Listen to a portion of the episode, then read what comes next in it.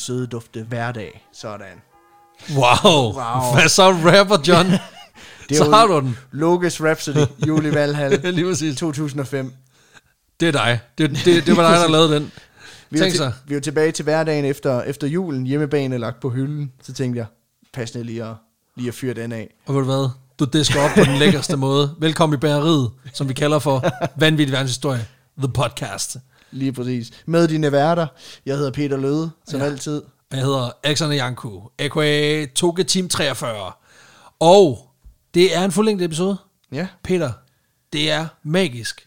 Og fordi det er en fuldlængde episode, så skal vi selvfølgelig starte med øl. det skal vi. Og det er en, øh, det er en lytterbajer, Ja. som vi har fået af vores øh, gode, øh, altså vores, vores største fan i Japan, Stefan Bak, som for længe, længe siden sendte mig en rigtig flot pakke i bo- i bobleplast, hvilket man kan se på dåserne, Der, at den ikke har været pakket særlig sådan forsvarligt ind, men ikke desto prøv at tænke på, hvordan den havde set ud, hvis ikke den havde været i bobleplast. Ja, ja, præcis. Og virkelig, ja, hvis du siger så, hvis du bare smækkede et label på Den den, er, den er meget bulet, den bare dåse send- der. Ja, det er den.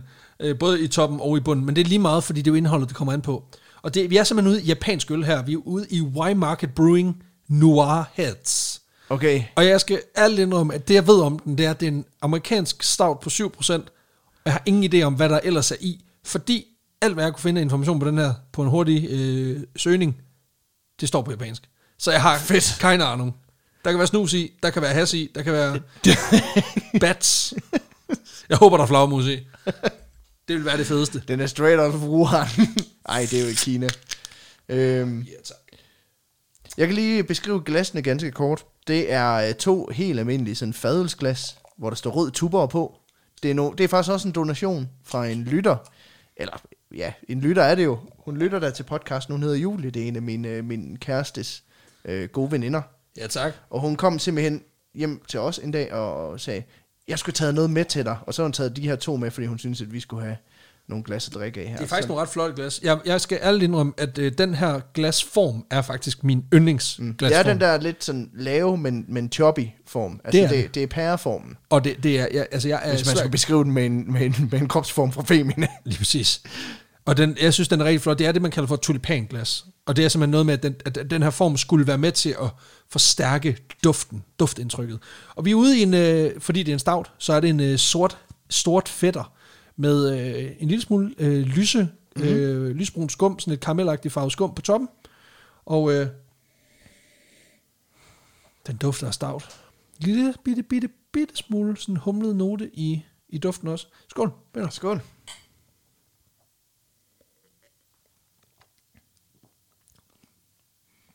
Hvad helvede? Det er meget amerikansk stout, det her. Mm. Altså, det, normalt stout kan godt være sådan meget øh, malt og Ja. sådan øh, karamel og sødt og fed. Den her, den er ikke sød og fed. Den er mere sådan humlet. Altså sådan lidt IPA-agtig. Den er sød og fed, ligesom mig. Ja, jamen, lige præcis. Jamen, den er faktisk ja. den er sgu meget lækker, men det, det minder altså mere om sådan en IPA, øh, end den minder om en stout. Ja. Black IPA, nærmest. Den er god. Den er god. Den er god. Ved du, Den er improved. Den er simpelthen, øh, den er Peter approved. Den er så er det approved. godt. Og, Og øhm, min skala, den går fra dårlig til god til meget god. Det var det. der, er tre, der er tre niveauer på den skala. Rigtig, rigtig god, synes jeg. Præcis. Og øhm, Jeg, jeg vil lige starte med også at sige tak til alle, der så med på vores øh, livestream Ja, den tak. 28. december. Øh, det, var, øh, det var en kæmpe fornøjelse. Der var en 300 stykker, der, der, der holdt fast. der holdt fast. Men ja, så vidt jeg kan forstå på tallene, så var vi oppe på næsten 500, da der var flest. Hvilket er sindssygt. Og det er ret sindssygt. Ja, det okay. Tak til jer, der tunede ind en, en kort stund for lige at, at følge lidt med i, hvad der foregik. Tak til jer, der så med hele aften. Vi havde også en, noget Q&A, noget hygge til sidst, hvor man kunne stille spørgsmål. Og Lige præcis. der kom både computerspilsanbefalinger og muligt andet. Man Det kan se der. det hele ind på, ind på Facebook. Lige præcis. Øh, der ligger den under vores videoer, hvis man har lyst til at se det hele. Det var tre timer. Men altså, jeg kan lige så godt sige med det samme, det udkommer også som episode på et tidspunkt. Mm. Øhm, så, så bare rolig. Stay tuned. Vi har optagelsen. Men der går nok lige et par uger eller tre, fordi så, så kan folk også lige sådan... Så kan de lige gå og glemme det lidt, og komme tilbage mm. og få et, et Så der gladeligt nye gensyn- overraskelser at gensyn. hente, ikke? Lige præcis, lige præcis. Ja. Men øhm, i dag, der skal vi jo have en øh, fuldlængde historie, og det er simpelthen mig, der har taget øh, rejecten fra, fra vores livestream med. Ja, Nemlig øh, den historie, som ikke blev valgt. Øh, og det er okay. Det lød bittert. Det var mm. det overhovedet ikke. ja, det var jo sådan, at folk, ligesom ved vores live shows, fik lov at vælge, hvad for en historie de helst ville høre. Lige præcis. Og øh, der valgte folk historien, som Peter havde med, som jeg ikke vil sige ret meget om, af, alene af den grund, at så ødelægger vi ikke overraskelsen for nogen. Og øh, den historie, som de ikke valgte, som vi skal snakke om i dag, det er, at vi skal snakke lidt om Sydpols ekspeditioner. Fedt. Fordi vi skal nemlig følge i sporene på Robert Falcon Scott. Og, og i det hele taget snakke om den ekspedition, mm. som han som ligesom blev... Og det, det, det, den, flere af hans ekspeditioner, hans præmisser for ligesom at ende på Sydpolen, og så skal vi også snakke lidt om, om selve opgøret med Roald Amundsen, som, som Ja. jo var det, det legendariske opgør, som endte fatalt øh, for, for nogen. Og det skal jeg nok komme ind på. Og så kan jeg lige tease for, at til, slut, til slut i den her episode, er der noget med nogle pingviner, der er pisseulækre. Så det bliver også rigtig hyggeligt. Sådan. Præcis. Og inden vi går i gang med dagens historie, så skal jeg lige komme en hurtig disclaimer, fordi hvis du er flat earther, så bliver det her en meget lang episode, fordi hele præmissen for historien er ligesom, at der er en sydpol at nå til, og at det kan lade sig gøre, fordi der er et kontinent på sydsiden, og der er ikke en 700 meter høj ismur, lidt ligesom Game of Thrones. så, så, hvis, så til alle flat eartherne derude, det er okay, at øh, du går hjem nu. Og Jeg, har- jeg har jo altid tænkt, at i, Flat Earth-teorien, der har den der ydre ismur den samme funktion, som den har i Game of Thrones, altså at holde The White Walkers ude. Jamen det er jo så det der argument, der er nu, der er blandt nogle flat earthers, at der simpelthen er noget bag den ismur, som NASA vil holde skjult for os. Mm. Hvad det så kan være, who knows. Men uh, jeg synes ikke, vi skal... Vi, det, det, det, er en, det er en farligt snak at komme ind på, og jeg har også en fantastisk flat earther historie til en anden dag, om en mand, der bygger en raket og sådan noget. Det bliver super fedt. Men det, det, er, ikke, det er altså ikke i dag. I dag skal vi noget mere analogt til værks, fordi vi skal snakke om den her ekspedition, den, den legendariske Terra Nova ekspedition, som er kendt som en af de største, hårdeste og på sin vis også værste ekspeditioner på den tid, og måske endda i verdenshistorien. Wow. Yes. Ekspeditionen startede i 1910, men inden vi stævner ud, så er det vigtigt for mig lige at få lidt kontekst på i forhold til alt det her med ekspeditioner, og specifikt omkring interessen for ekspeditioner til Sydpolen. Ja, jeg tog det jo lidt sådan øh, omkring Norden i afsnittet om Frøken, hvor jeg snakkede lidt om den interesse, der var for det område, Lige rent præcis. ekspeditionsmæssigt. Så nu, nu gør vi det modsatte. Nu går vi, er nu går vi south. Ja. Vi går south. Baby, jeg vil med dig syd på. Lige præcis. Som Scott jo sagde, da stævnede ud, ikke? Og det var Roald, der kom ind. Han, han kom jo lidt på bagkant, så han var sådan lidt, baby, jeg vil med dig sydpå. Og så, okay, så kom med. øhm, på det her tidspunkt, i 1910, der er vi ved at nå peaket for det, man kalder the heroic age of Antarctic expedition. Altså, det er guldalderen, det her. Mm. Uh, og det er en tid, hvor folk nærmest ikke kunne sparke sig frem for hinanden på Antarktis kyster. Altså på den måde, at der imellem 1895 og 1922, der var der 17 ekspedition, eks- ekspeditioner i alt. Men man skal også huske på, det lyder ikke af mange, men man skal huske på, det, det er altså en tid, hvor, hvor setup'et på en ekspedition, det primært foregår i sådan noget, der, der minder om et glorificeret piratskib. Mm. Altså, det er, altså man kører, altså, Ja. det er åbent dæk, det er sejl, det er, det er frigatten Jylland, det her. Ja, ja. Og, så, Og så er der fandme langt og sydpå. alle, og alle gør det. Alle gør det. Altså, japanerne gør det, belgierne gør det, hollænderne, tyskerne, Mm. altså alle de fede, britterne, ja. nordmændene. Vi kommer ind på det. Ligesom sådan for, der for, for en, for en 8-9 år siden, hvor, hvor alle skulle lave noget med zombier. Altså, hvor det er sådan, at så kører Walking Dead, så er det populært. Så kommer Zombieland. Så kommer Fear of the Walking Dead. Fear the Walking Dead. så kommer der en ny Evil Dead. Så kommer der alle, alle de her. Så kommer der Zombieland 2. Lige præcis. Og så kommer der Another Thing, noget med Walking Dead. Øh, man kan sige, der går faktisk hele kimen til interessen for det her med at rejse mod den her isklump mod syd. Mm. Den bliver egentlig anlagt et par hundrede, altså et, i hvert fald 100, hvis ikke 200 år før det, i slutningen af 1700-tallet. ja. Og i starten af 1800-tallet, hvor det her kontinent faktisk bliver spottet sådan for alvor. Mm. Det figurerer allerede på kort øh, i omkring 1500-tallet, men, men der er det sådan lidt mere et skud fra hoften, Okay, ja. end det er, øh, hvor stort er det her sted reelt. Altså, Okay, så det er mere sådan, at man har set noget, eller måske teoretiseret? Ja, eller hvordan? altså okay. man, har, man har spottet, at der er noget hernede, der, der er fast, men man ved ikke rigtig noget. Hvilket betyder, at på det her tidspunkt, der, der er der ligesom, der er teorierne, at den her isklump, den faktisk udgør størstedelen af, det, af den sydlige halvkugle. Altså det er der, man er i 1500-tallet. Okay. Øhm, men det finder James Cook så ud af, af noget bullshit, da han sejler omkring de her kanter i 1770'erne. Mm. Øhm, men fordi at området omkring Antarktis, det er lort. Altså, vi ja. Snakker sindssygt koldt vejr. Havet er sådan rimelig sådan trøstesløst på den der måde, at, at det losser hans skib af helvedes til. Og så er det faktum, at, at alt er is. Altså, det er ren Emil Stabil. Ja. Det hele er is. øhm, og det er for ligesom den her... Altså, der, der er store bjerge, der er alt muligt, men det hele er dækket af is. det får også den her opdagelsesrejsende til ligesom at konkludere, at der formentlig må være en landmasse et eller andet sted derinde under, fordi ellers vil der ikke være, i forhold til hvad han tidligere har set, mm. så vil der ikke være så meget is på et sted, medmindre der også var noget nedenunder. Ja, der skal være noget, isen ligger. Der, det skal ligge ovenpå et eller andet, Det ikke? skal jo ligge oven på et eller andet, ikke? Øhm, Jeg kan også godt lide sådan, man har, man har sejlet ned, så man set et uopdaget kontinent i horisonten, og sådan, nej, det skal vi ikke hen. nej, men det er som, Og så har man taget hjem og tegnet det på et kort. Men altså igen, altså selvom at man har set den her, og, og vurderet, at der simpelthen var en, en landmasse derinde, så har man simpelthen ikke vurderet, så har man vurderet, at det gav ikke en skid mening at lede efter den. Øh, især fordi, at det du ser, det er bare et vildnis af kold lort. Ja, ja. Så det er ikke sådan, at du sådan tænker, men det kan være, der er guld. Altså det er vidderligt sådan, det her det er ufremkommeligt på en ubehagelig mm. måde. Og jeg kan godt forstå resonemanget. Det er sådan, okay gutter, nu, nu krydser vi det her frysende lortevejr med 10 meter høje bølger, for at trække potentielt set hundredvis af kilometer for at finde mere is. Hvem er med mig? altså, og, Guys, you won't guess what's over the next hill. præcis. What? what? More ice? præcis. Og det er også det. Altså jeg tænker sådan, du har ikke brug for sådan en Christian Stadisk øh, forklaring, for ligesom at forklare, hvorfor folk er ude. Altså du behøver ikke sådan noget, jeg kender ikke noget til branchen, det er mit og dit bare.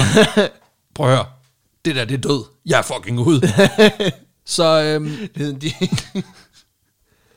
så man kan sige, den her, den her ufremkommelighed i området med masser af is, man skal forsere 100, hvis ikke tusindvis af isbjerge, der ligesom kan kendre skibene, og så de her havstrømme, der mm. også flytter alt det her is, der falder af det her potentielle kontinent, som, som hele tiden bliver drevet rundt på sådan en uforudsigelig ja. vis. Det gør simpelthen, at, at, at altså, folk de vurderer, ja, nej, så det er svært at sejle dig ind. det er rigtig svært at komme til til er- noget, der, der er Ja. kystnært, så Men at det der is, der sådan flyder rundt, det er sådan, det er som det der frogger-spil, hvor man skal sådan det er, ligesom at imellem. spille, det er ligesom at spille Frogger, bare med, Ja. at du, i stedet for at du dør, så dør du rigtigt. Ja, og så ender du som Titanic Præcis. på bunden, ikke? Lige præcis. og det betyder også, at folk øh, i store dele af 1800-tallet faktisk holder sig væk fra det her område, fordi altså, de skal fucking ikke bede om det.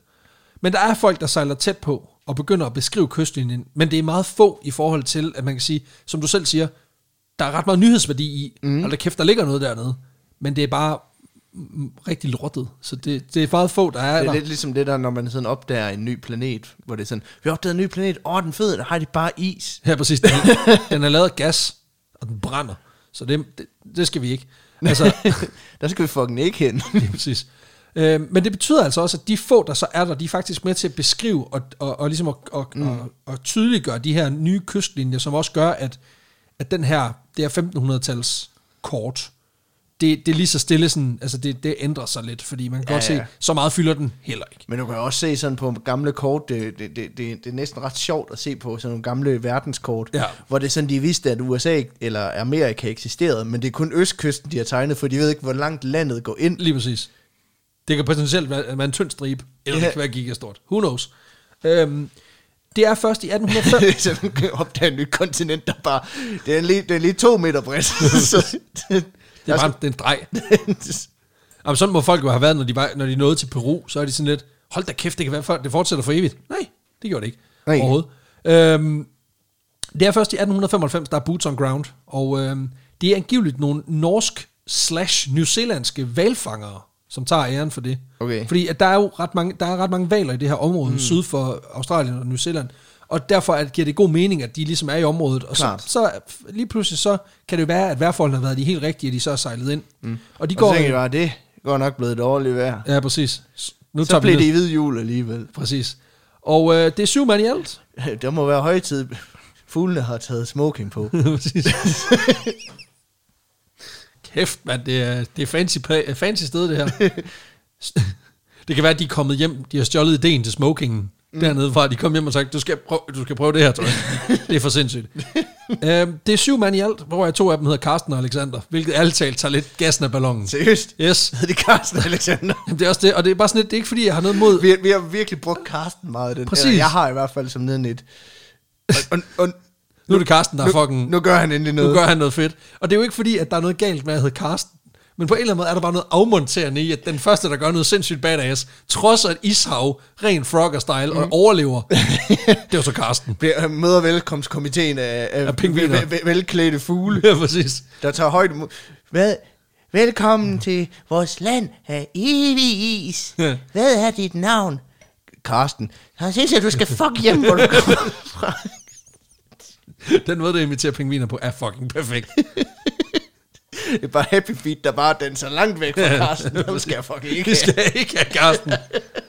Men øh, det bliver altså Karsten, Alexander og, og de andre bananer derop, der simpelthen er de første, der træder, sætter fødderne på, øhm, på Antarktis. Der er angiveligt noget med, at der også var en, sådan en, en fuld sømand, der også vist nok ufri, ufrivilligt kom der til. Men det er der af gode grunde ikke rigtig sådan gode bekræftede kilder på, hvorimod det her det er rimelig veldokumenteret. Det er jo den typiske, sådan, øh, jeg har opdaget Ja, ja, det også en jeg. brænder. Du ved, jamen det er også bare det med Carsten og Alexander er kommet tilbage til New Zealand, hoppet ind på det nærmeste værtshus og sagt, vi har opdaget en ismasse, og så sidder der bare en fuld række over i hjørnet. Ja, det har jeg været. Det, det har jeg været. Nå, okay, han var der først. Hvor det er sådan, at, at, at der er jo fuglene, de pænt tøj på. De er på vej til gala. Dansede de også langs shit. Nej, det er først i Happy Feet 2, de gør det. Åh, oh, for helvede. kom, kom, han kom for tidligt. Øh,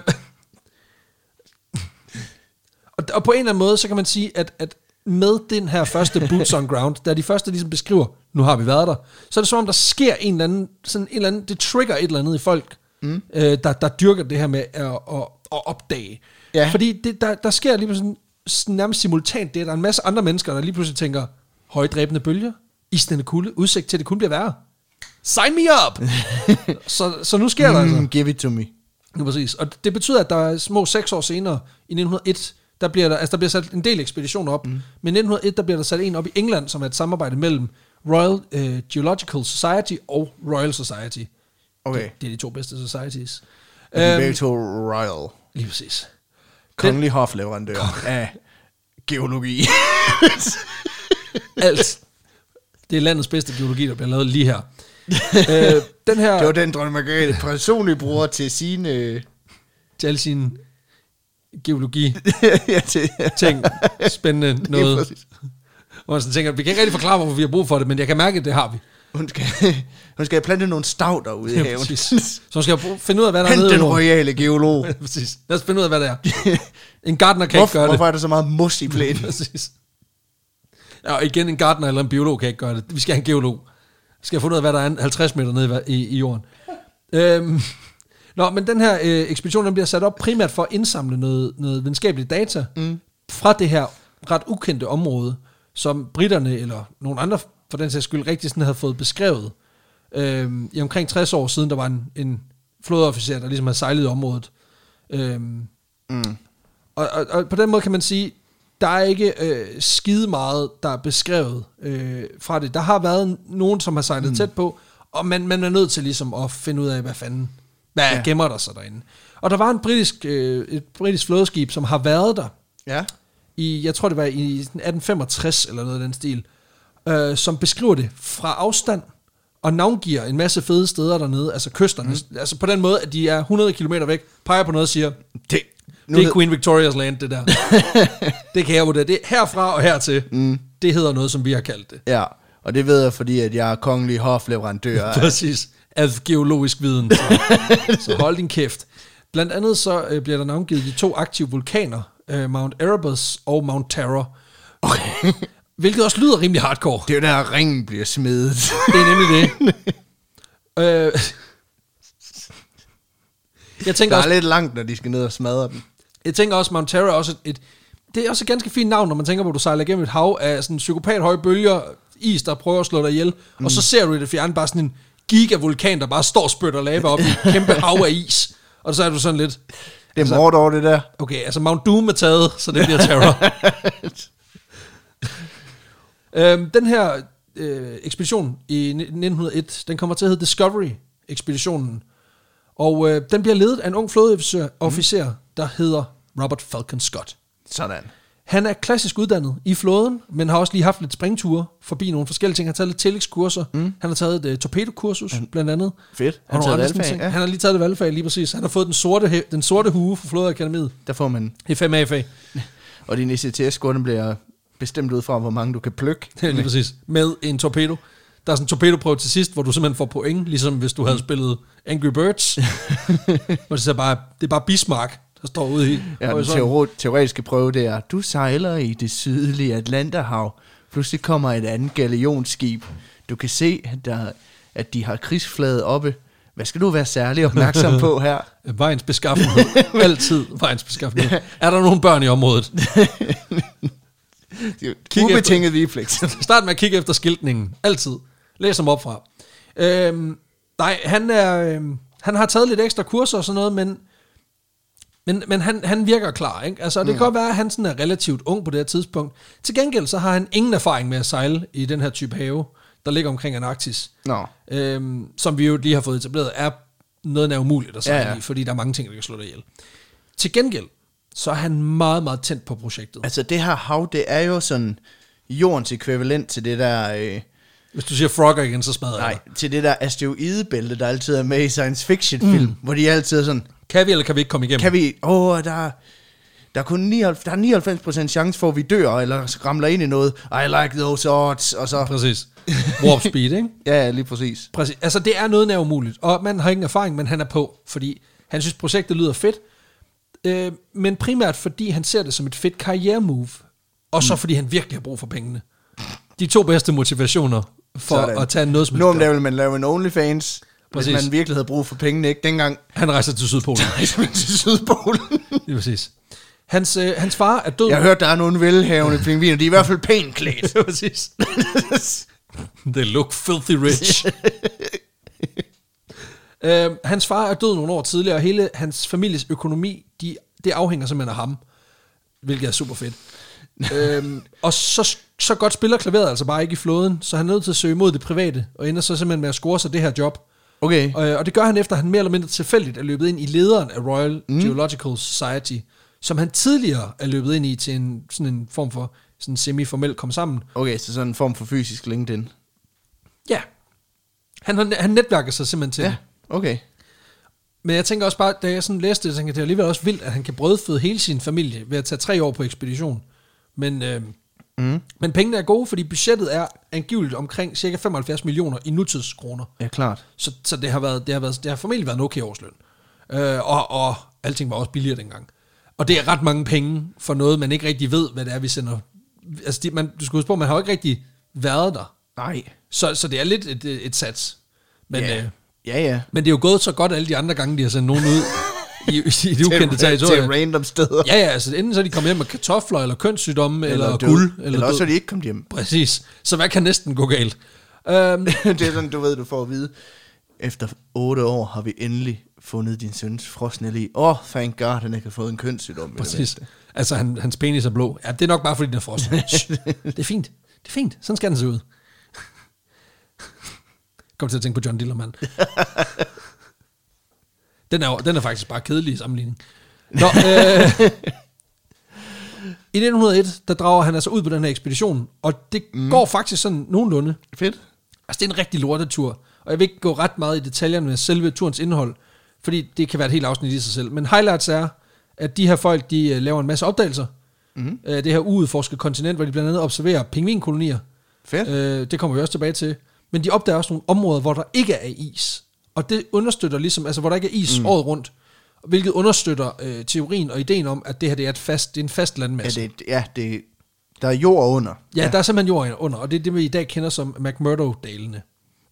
Øh, Udover det, så gør Scott og hans folk også den opdagelse, at de finder, de er de første, der ligesom øh, er på det, man kalder for det antarktiske plateau, som mm. er et øh, 1000 km bredt område, som man ligesom skal krydse Ja. ja. for at nå til den geografiske sydpol. Øh, rent lavpraktisk, så får de også lavet en masse eksperimenter, tager nogle prøver, og samtidig så får de ligesom bidt skeer med, med vejrforholdene mm. på det her, et af klodens mest ekstreme steder, sådan rent, rent vejrmæssigt. Ja. Altså, Det er jo, ikke, det er jo øh, eventyrernes jackass, det der. det er, det, og det er det, fordi altså, vi snakker virkelig aggressiv vinde, altså sådan noget op til, jeg tror det er 45 meter i sekundet, når det er rigtig lort. Øh, minus 70 graders kulde, når det, mm. når det er rigtig slemt. Og så er det faktum, at der flere måneder af året nærmest er komplet mørkt. Fordi at jordens hældning gør ligesom, at, at solen den primært lyser på den nordlige halvkugle, mm. og så er der vidderligt ikke rigtig noget tilbage til, til syd. Nej. Øh, det er sådan lige rundt i kanten, der er der lys et par timer om dagen, men inde i midten, der er bare, der er bare Så det er virkelig Mordor. Det er sådan the land of eternal darkness, ikke? Lige præcis, lige præcis. Og jeg har det sådan lidt, jeg ved ikke med dig, men jeg har en tendens til at blive lidt, lidt depri hen over vinteren. Ja. Men hvis der så oveni, så blæste 90 meter i sekundet, der er bare minus 70, og du lever i 1901, hvor tøj og beboelse ikke rigtig er, er, en, er en Der er ting. nok, og der er nok at være deprimeret over i forvejen, ikke? Ja, men lige præcis. Altså, de, og du, du bor i en blikhytte og har en uldtrøje på. Jeg tror ikke, jeg vil være den fedeste at være sammen med, hvis jeg skal være helt ærlig. Det er sådan... Altså, hvis jeg ikke har spist den hele eftermiddag, så bliver jeg sådan lidt picklish. Ja, så bliver man, så bliver man hangry, ikke? Ja, Og det er så, sådan, jeg bliver lidt hangry. Men hvis du så samtidig ved at blive blæst væk, og din næse er frosset af, så tror jeg, du bliver nederen. Øhm, Ja, og du sidder sammen med tre andre, der bare kan være ude af kælk. Ja. Fordi de hygger. det kommer vi faktisk til. Øhm, Fedt. ja, øhm, de her mænd, de lærer ligesom, altså man kan sige, selvom det er hardcore shit det her, så lærer de her mænd, de lærer ligesom at deal med de her vanvittige udsving og arbejde på trods af vejr. Mm. Øh, og så lærer de ligesom også at, at, at vende sig til, at dag og nat, det, det virkelig er forskelligt. Ja, det er Og nogle gange er det slet ikke forskelligt. Mm. Fordi det er det samme. fordi man, man, man skal også huske på, at hvor det så er mørkt hele døgnet om vinteren, så er det jo lyst hele dagen om sommeren. Ja, ja. Så det er jo sådan... Så er du fået en solferie. Ja, præcis. Så er det ligesom at være på Mallorca. Ja, bortset fra, at der stadig er minus 30, ikke? Nå, ja, ja. Så det er stadig noget lort. Men du bliver, du bliver solbrændt til gengæld, ikke? Um, ja, det er jo noget, det er sådan noget, jeg vil blive sindssyg af. Det er jo ligesom, så er det bare, det er bare en lang afterski. Det er bare Inchel med, med dak dak musik og alt det jægermeister, du kan drikke. Uh, de, de er på Antarktis i to år, og når, udover at lave de her dokumentation, dataindsamling, også at, at give det et lille forsøg med at nå Sydpolen. Mm. Øhm, men de må, gå, de må give op cirka 850 km derfra, øhm, fordi de tre mænd, der tog ud på turen, som er Robert Scott, en fyr, der hedder Ernest Shackleton, og så en, der hedder Edward Wilson, de, øhm, de viser, at de har sgu ikke nogen rigtig erfaring med at krydse nogle islandskaber. øh, så, øh, så alle deres, alle, alle deres slædehunde, de dør sgu øh, på turen. Jo, jo.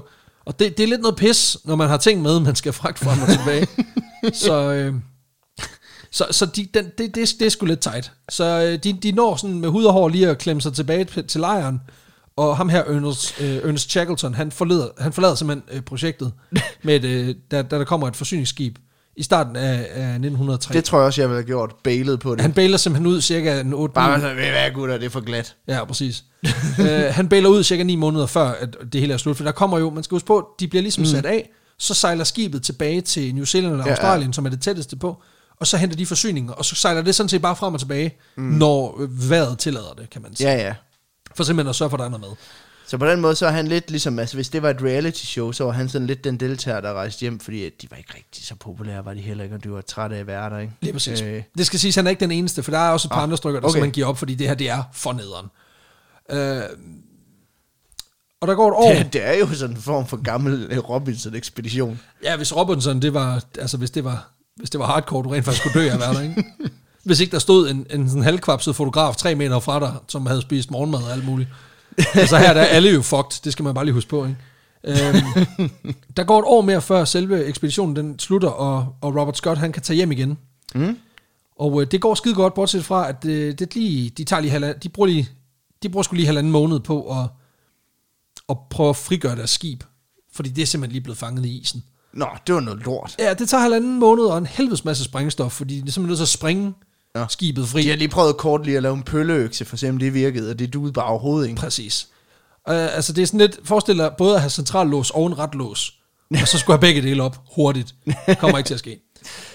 Um, men det er mere effektivt end retlås. Altså hvis du bare lige forestiller dig, at du, når du skulle af med din bil lige, i stedet for at du lige, dut, dut, så laver du lige en to, liter, to meter tyk iskamp rundt om den. Så bliver den stående. Og så tænkte det er der ikke nogen, der...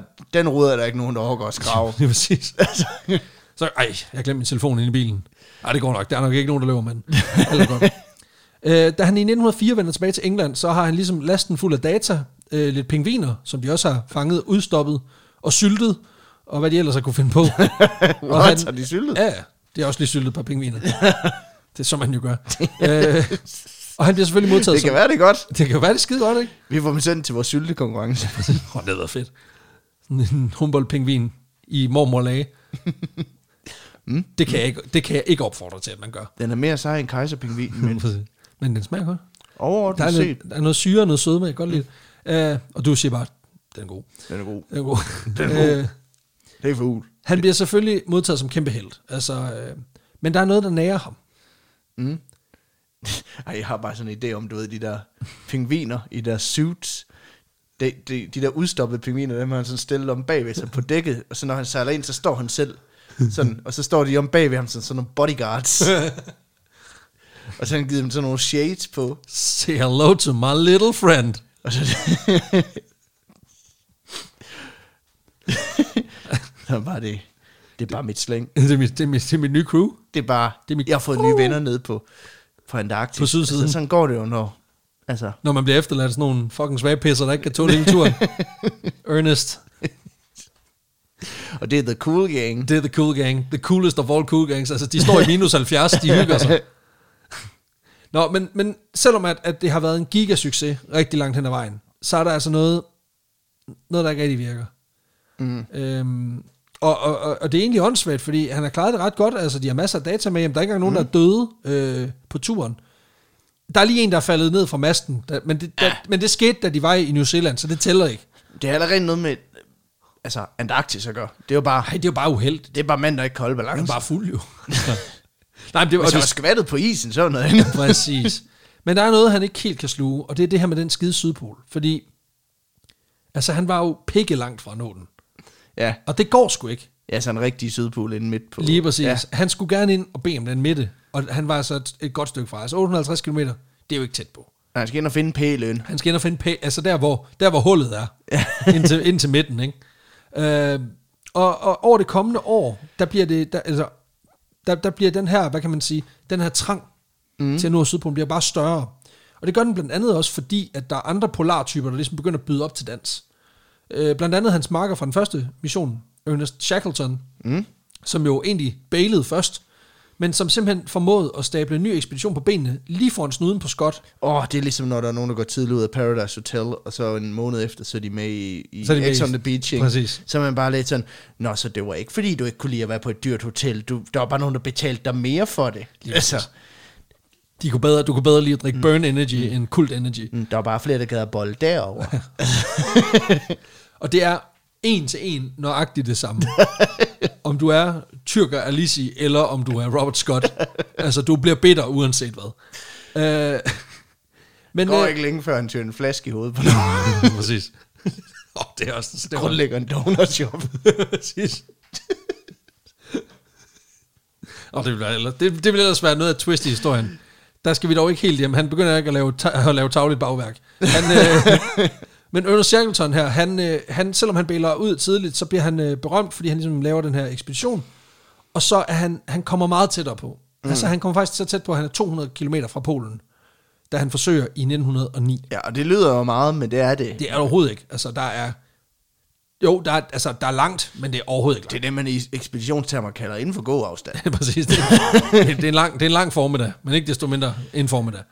Øh, oven i det, så opstår der så noget ballade mellem de her to, mellem øh, Robert Scott og Ernest Shackleton her, fordi Shackleton, han vil gerne starte sin mission med udgangspunkt i den lejr, som Scott havde efterladt. Mm.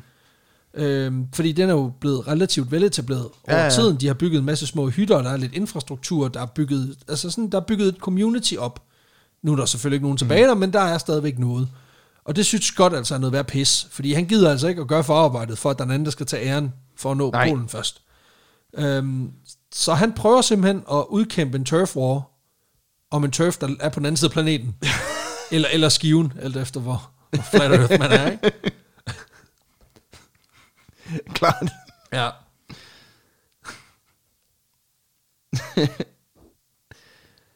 øh, og altså, jeg skal glædeligt indrømme, jeg synes, det er selvfølgelig, det virker barnligt at holde fast i retten til et stykke is på den anden side af jorden. Mm. Men, men Scott er på det her tidspunkt, altså han er meget klar til at give den et skud mere. Ja, så er det også træls, hvis der er nogen, der gerne vil bruge din, øh, hvad kan man sige? Dit udgangspunkt, altså din affyringsrampe. Ja. Og især fordi, at han jo så i øvrigt lige har forpurret den ekspedition, du gerne vil lave.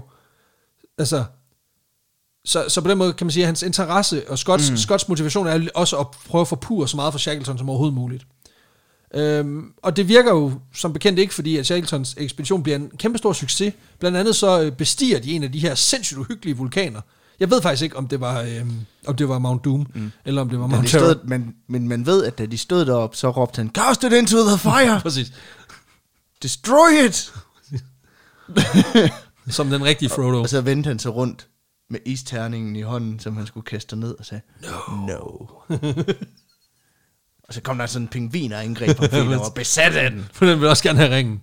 Øh, der var jo en Lord of the Rings reference mere. Det er perfekt. Ja, hvis den ikke var tydelig nok. Ja, præcis. Øhm, de opdager selvfølgelig, udover at bestige den her vulkan, og så opdager de en masse andre fede ting, og der er heller ikke nogen, der dør på den her ekspedition, så på den måde, altså på alle fronter, øh, huge success, ikke? Sådan. Ja.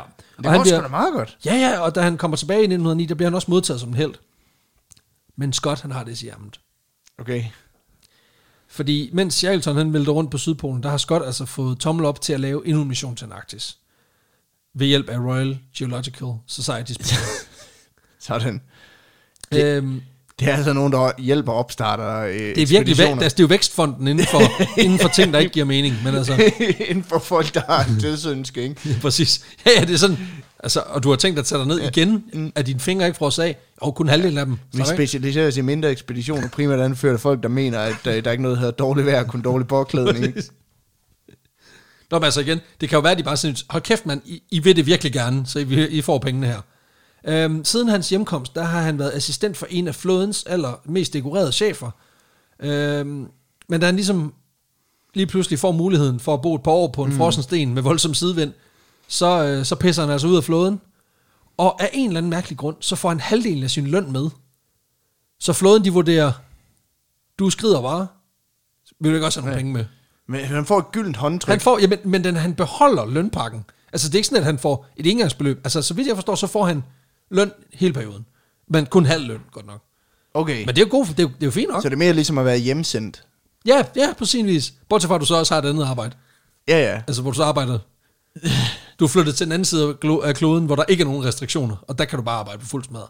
ja. Så det er meget Der kan man sige, det er nemt at holde afstand, hvis du bebor på Antarktis. Det er det, det er det. Øh, Det er bare sørge for, pingvinerne mundbind på. præcis. Også i sort. Det er lækkert. Det ligner sådan Joe Biden alle sammen. Nå, men den her nye ekspedition, den skal starte i 1910, øh, og målet fra de her betalende societies, både Royal Society og Royal Geological Society, det er, at det primære formål, det er science. Mm. Bitch. øh, Motherfucker. så vi snakker udforskning af nye områder, øh, og i det hele taget indsamling af data, forbedring af det data, vi fik hjem, som ikke var helt i orden, videreudvikling på de eksperimenter, vi allerede har udført, Mm. alle de der ting. Og så det der sydpolsplank, det er ligesom sekundært. Og det siger Scott ja til. Mm.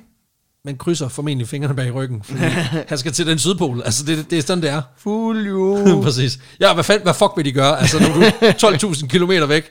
Altså, I kan da komme og hente mig. I kan da, I kan da bare prøve. Så, øhm, Nu går jeg selv i isolation. lige præcis. Is, isolation. Ej, hvor er det. Øh, men, I kan ikke skyde mig, for jeg er allerede is. præcis. Han frosset ihjel? Nej, nej, nej. Han er bare iskold. Altså, for helvede. øhm, samtidig med det her, der er der altså andre, der får øjnene op for, for ligesom at, altså muligheden for at claime Sydpolen. Mm. Og skrive sig ind i historien. Så du siger de for, they got the ice, that ice ice baby. Præcis. Uh, og det handler også om, at der formentlig, der er jo på det her tidspunkt ikke ret mange hvide pletter tilbage på landkortet. Nej. Altså, de, der, der, det, vi er begyndt at tynde ud i, så er det sådan noget med, at du kan opdage en eller anden højderyg i Angola, mm. eller Sydpolen. Ja, og det er sådan en stor, gigantisk hvid plet. Præcis, det er den største af de hvide pletter, der er. Så finder man så ud af, at den er også hvid i virkeligheden, så det er egentlig bare, kortet var komplet. Præcis. Ja, ja, det, det er sådan lidt, jeg er den første, der samler det her 5.000 øh, stykkers puslespil. Det viser sig så, at de alle sammen var hvide. så det var noget af, det var noget af et arbejde, men det lykkedes, er godt. Øh, Blandt andet så har både tyskerne, belgierne og japanerne sat ekspeditioner i gang til området, øh, så der er fart på. Og Scott, han skal ligesom til at skynde sig. Men værst af alt, så begynder det at gå stærkt, fordi der er nordmænd, der lige pludselig kommer ind i billedet. Åh, oh, skide nordmænd. Ja, tak. Fucking fjerlaber. fucking fjerlaber. Og det er simpelthen en kammerat, der hedder Roald Amundsen. Og han kommer til at være lidt vigtig for historien, men jeg vil ikke dykke så meget ned i hans personlige nej. liv, fordi ham gemmer vi også, men der kommer selvfølgelig lidt. Ikke? Han er opdagelsesrejsende ligesom Scott, men fordi han er nordmand, så har han ikke fået lige så meget respekt i det her Antarktis game, fordi nordmændene faktisk bliver set ned på. Okay. Øh, på trods af deres ret store erfaring fra, du ved, hvad, racisme, eller? Nej, men det er fordi, man, man, de har ikke rigtig været på den slags is. Mm. De har kun været i Kanada og Nordpolen og den slags. Øh, så, så det er ligesom om, at man vurderer, at det er en anden slags is. skal sige, hvad fuck er forskel? Det er sådan deroppe, det er flødeis. Det er hernede, der er vi mere over i noget limonadeis. Ja, præcis. Ja, det er sodavandsis og flødeis. Det er sådan lidt, altså på den måde er der lidt forskel, ikke? Ja, Øh. prøv, prøv at høre, du, kan, du er laktoseintolerant, du kan ikke engang tåle flødeis. Fuck nu tilbage til, til astronautisen deroppe, som du plejer, ikke? Men det er også bare det, man har vurderet. Det er koldt vejr, men i syd der er det åbenbart noget andet. Uh, Der, der er vand, det er koldt, det fryser. Præcis. Men det er overhovedet ikke som, når, Som det, når, der, når der er vand, og det er koldt, det fryser op nordpå, vel? præcis. Det er en anden slags kulde. Vores is er meget, meget anderledes. meget mere hardcore. Ja, præcis. Og, og, og det er vidderligt sådan, at det, det bliver talt i talsat, som om, at altså, det, er lidt, det, er lidt, det er lidt mere fint at, at tage en Arktis. Mit is er koldere end dit is. præcis. Præcis. Øh, og faktisk, faktisk var det planen, at Amundsen han skulle arbejde videre i, i nord. Han har netop øh, gennemført en længere mission op igennem Nordvestpassagen, der forbinder Atlanterhavet med Stillehavet, mm. altså sådan nordover. Ja. Og så vil han egentlig gerne gå efter at nå Nordpolen, men da han så hører, at amerikanerne øh, Frederick Cook og Robert Peary har mm. nået Nordpolen, begge to, skifter han Fucking simpelthen... Robert Perry. Ja, hvor jeg har faktisk skrevet mit manus, fuck, jeg hader Robert, Robert Peary. det kommer til at give mening en dag, men indtil videre, så er vi bare enige om, at han er et fucking dickface. Ja, og så hører vi sådan lidt om, hvor, hvor stor dickfacen er. Lige og så, præcis. Og så kan I så bagefter vurdere, om hypen var real. og så laver vi endelig researchen og finder ud af, okay, jeg var faktisk meget flink. Jeg ryster på hovedet, fordi det er overhovedet ikke rigtigt. Han var et fucking dickhole. Og øh, det fede er, at han ligesom siger, okay, det bliver ikke Nordpolen. Fuck it, jeg tager til syd, fordi et koldt lortehul kan være lige så godt, som et andet koldt lortehul. ja. Så på den måde, Uanset hvad I siger. præcis, uanset hvor meget I dømmer mig, så fuck dig.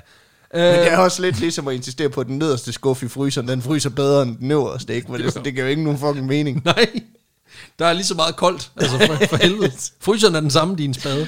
Men øh, Amundsen, han sætter simpelthen kurs mod øh, Sydpolen. Han informerer dog angiveligt først sine egne folk om, at han ville til Sydpolen, da skibet frem, som det hans skib mm. hedder, det stævner ud fra Madeira i Spanien, hvor de har hentet supplies. Mm. Altså det er først der, han ligesom siger til folket, Nogle, de har hentet nogle blommer. Præcis. Mit. De har været nede og hentet noget tavlig portvin, og så en masse frugt. Så, Og en billig chokolade, så kører den. Præcis.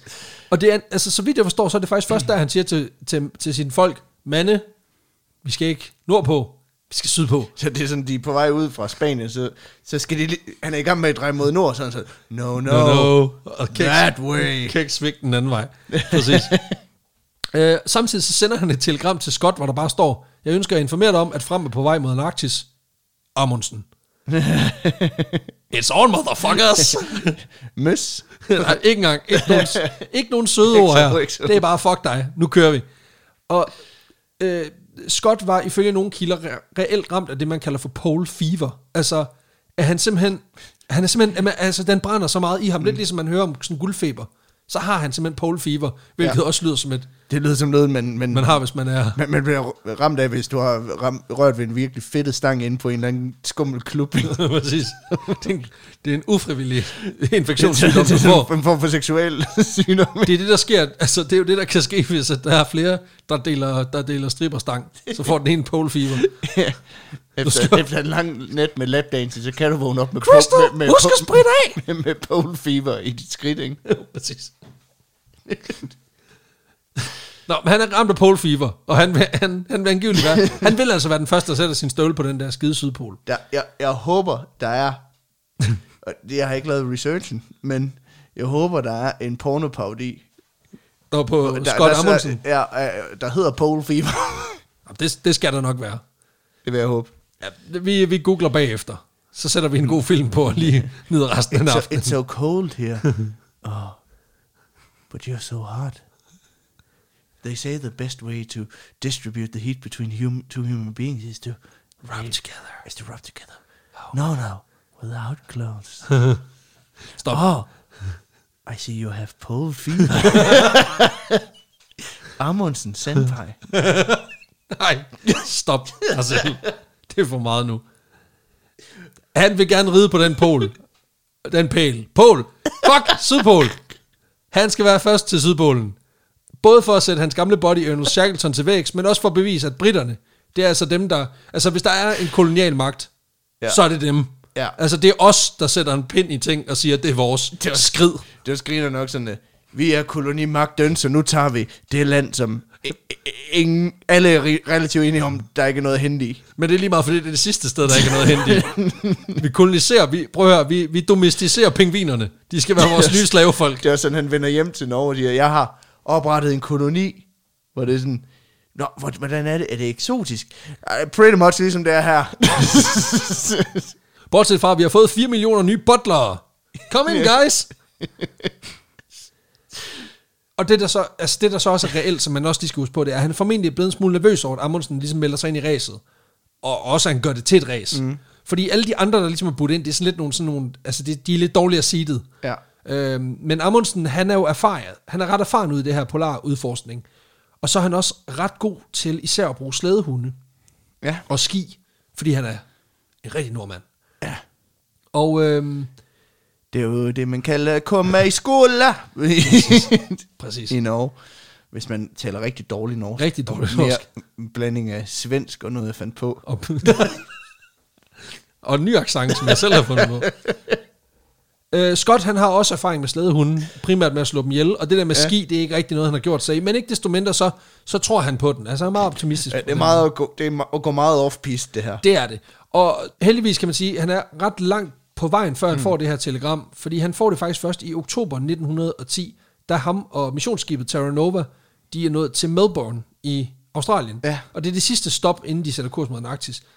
Jeg kan bare forestille mig, altså det der med, at det har gjort et skide godt indtryk, at han allerede er langt, og så får han et telegram, hvor der står, dateret sådan fem måneder tidligere. Mm. Amundsen, jeg er på vej. I'm coming, I'm, motherfucker. co- I'm coming for you, ikke? Øh, heldigvis så har øh, Scott taget en god røvfuld noter, især efter Shackletons ekspedition fra 1906 til 1909.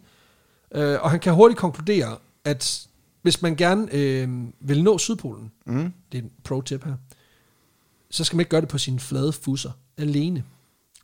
What? Ja. Fordi det han gør, det er, at han simpelthen har snakket med nogle eksperter. Altså, han har jo selv været der, ikke? Ja. Men han har også snakket med nogle eksperter. Nogle norske eksperter. Jeg lavede nogle beregninger, der sagde sådan, sådan, Sådan, sådan. sådan. øh, og det, vi- det viser sig, at han simpelthen, altså han har også besluttet sig for at gå lidt med nogle hunde. Han har forhørt sig lidt om brugen af både hunde, men også af heste. Okay, ja. For at, og ligesom at have nogle flere, hvad kan man sige, nogle flere muligheder for noget transport. Mm. Øh, og så har han fået sin chef Men har svært ved at kalkulere, hvor mange hestekræfter der var i en hundeslede, så har han været sådan, jeg har en løsning til at gøre det meget nemmere at regne ud. Vi tager bare direkte godt til hest en til en.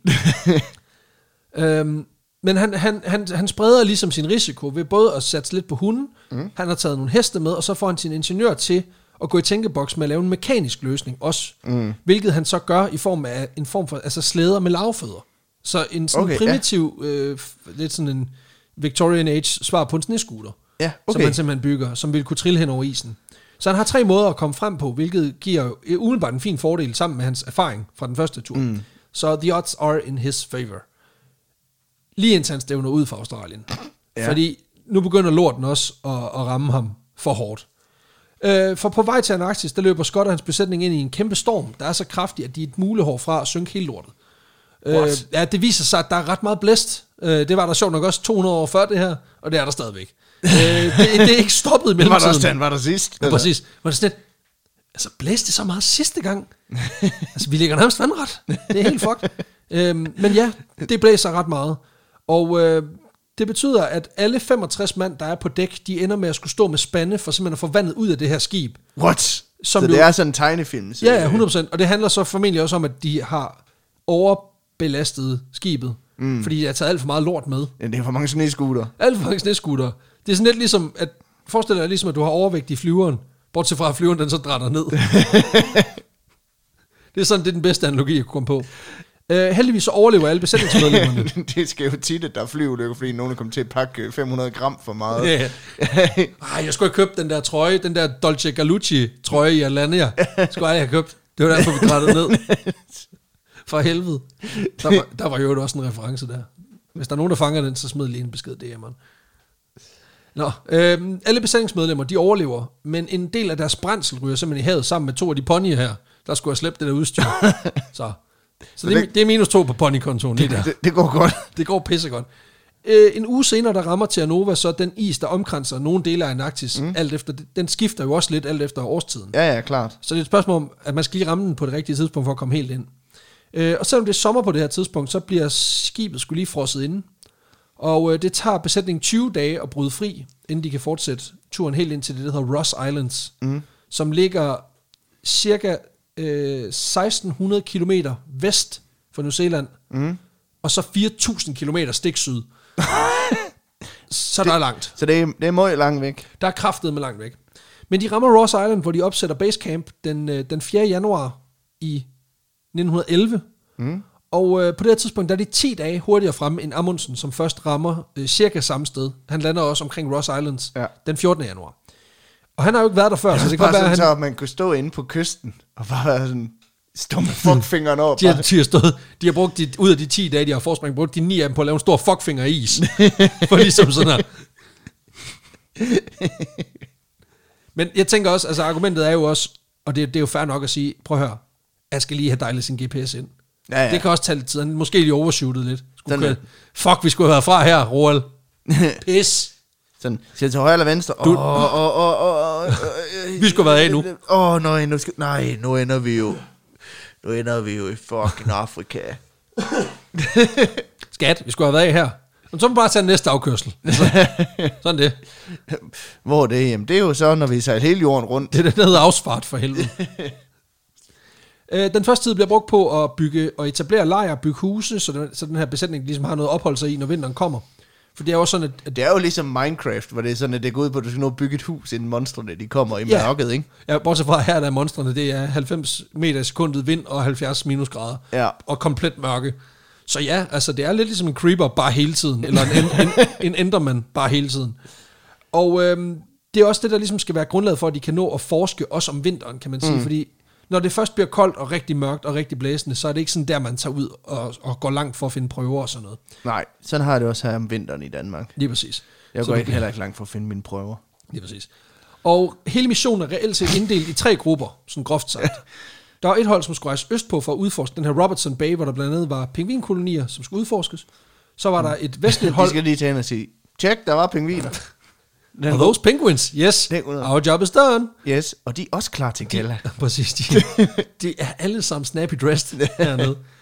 Der er et vestligt hold, som skal udforske de her isfrie områder, og ligesom tjekke den her geologi igennem i området. Tjekke den vilde geologi Ja, ud. ja. Og så er der det her sydpolshold. Det er noget, dronningen har bestilt, ja. Det er det, det er det. jeg skal have plantet stavter. Også her. øh, og så er der det her Sydpolshold, som består af 16 mand, der ligesom skal nå til Sydpolen. Men den måde Scott han organiserer dem på, så er det ikke meningen, at de alle sammen skal derhen, men at, at ideen er ligesom, at man sætter dem afsted i, sådan, mm. i, i samlet flok, og så er der gradvist nogen, der falder fra. Ikke fordi de dør, men fordi så er der ligesom til sidst en gruppe på fire mand, som skal nå Polen. Mm. Ja, og igen, det er ligesom i, en- i et reality-program. Så er der fire mand, og så er det en finale, og så skal man så finde ud af, hvem der egentlig får lov til at... Og, sætte, og røre ved pinden og få Pole Fever. Ja, lige præcis. Sådan. Tillykke, du har vundet Pole Fever. det er løgn. De står med sådan en snebold hver, og den smider snebolden først får lov til at gå videre. Nå, men for at nå Polen, så skal der altså seriøs planlægning til, fordi det er en lang tur, og man kan sgu ikke lige pakke alle grader ned på en gang, som sådan en backpacker hippie, der rejser Asien rundt. Uh, det betyder også, at Scott i den første øh, lange stykke tid mm. bruger en del kræfter på at lægge uh, depoter med mad og andre lækkerier, ligesom langs den rute. Ja. de planlægger ind, så der ligesom er depoter, som de kan nå frem til på vej tilbage. Det er bogstaveligt talt køleskab. Det er simpelthen køleskab med alt fra brændsel til altså, øh, ting til at lave mad, til ekstra papir, alle mulige ting, men primært noget æde, Ja, ja. og noget til at varme sig på. Og øh, det er jo så det, de skal leve af i takt med, at de vender tilbage, når de øh, vender snuden hjem efter at have taget den her 1300 km lange tur, som er den distance, der er fra der, hvor de er, basecamp, mm. og så ind til Polen. Og det er jo Øhm. sådan cirka distancen været herfra til Italien eller noget. Ah, nu, ah det er det midt i Tyskland. Sådan Midt i rundtal. Tyskland. Sådan noget Ja. herfra ja. til, til Frankfurt, sådan i rundtal, som skal gås. Ja. Ja, ja, ja. Sådan der omkring, ja. Ja. Øhm, der er dog lige lidt flere udfordringer, for da de læser skibet af, så ryger en af de her motoriserede slæder, den ryger skulle lige i havet og forsvinder. For helvede. Ja, så det er så lige minus en på, på slædekonto. ja. det er jo sådan en pimpet bobsled. ja, præcis. Og det bliver heller ikke bedre af, at uh, Scotts hold, det ene af de udforskningshold her, møder Amundsen, som er parkeret lidt længere ned ad vejen. og han er i goddamn hopla. Altså, han hygger. Han er kommet lidt senere til festen. Så han har lige drukket, drukket et par snapser Og inden. det er jo det verdenshistoriens mest kendte tilfælde af, hvad fuck laver du her? Ja, præcis. Jeg har godt hørt, du måske ville komme, men at du overhovedet drister dig til at møde op her. Det er sådan det der med, sådan, nogle gange så møder man folk, man kender de mest mærkelige steder. Så møder man sådan op, og sådan, Roald, Er du også her? var det godt at... s- Nå? Nå, nå, nå. Ej, hvor, ej, hvor, hvor fedt. Nå. Ja, hold da op. Jamen, Det det var- tænker du også der side på, til, på ferie? Ja, jamen, det gør vi hver år. Præcis. Tænker du også bare hader at blive blæst i stykker? Men det gør du åbenbart. Ja, men det er jo meget ligesom derhjemme. Det- Ja, ja, han er jo, han er jo mere vant til det end de andre. ikke? ja, ja. Er du også, det- hvad, det er mere skiferie. ja, Og det er det. Øh, fordi han er, han er, altså en ting er, at han er i godt humør.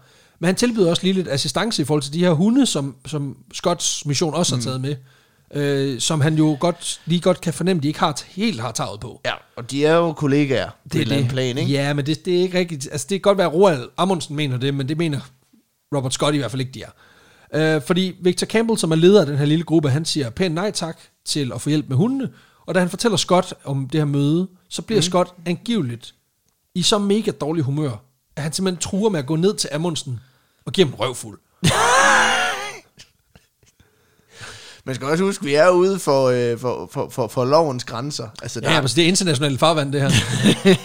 If you want to throw down, you can throw down. Du kan give røvfuld til dem, du har lyst Det er, jo, til. altså, det er jo ligesom MMA. Du, du går bare amok. Altså, no eye gouging or eye poking. Uh, no fish hooking. Når du har fået en røvfuld, så er der masser af is at putte på. Så Præcis. det, øh, tag det roligt. uh, og, og jeg synes umiddelbart, det virker som lidt overreaktion, men det viser sig, at der er en ret god forklaring. Fordi dels så minder det her møde jo Scott om, at der er tale om et, et kapløb. Og det var ikke rigtig en del af den plan, han havde, da han satte missionen i sin tid. nej, det, det er et speedrun. Det er lige pludselig blevet til speed, ufrivilligt speedrun.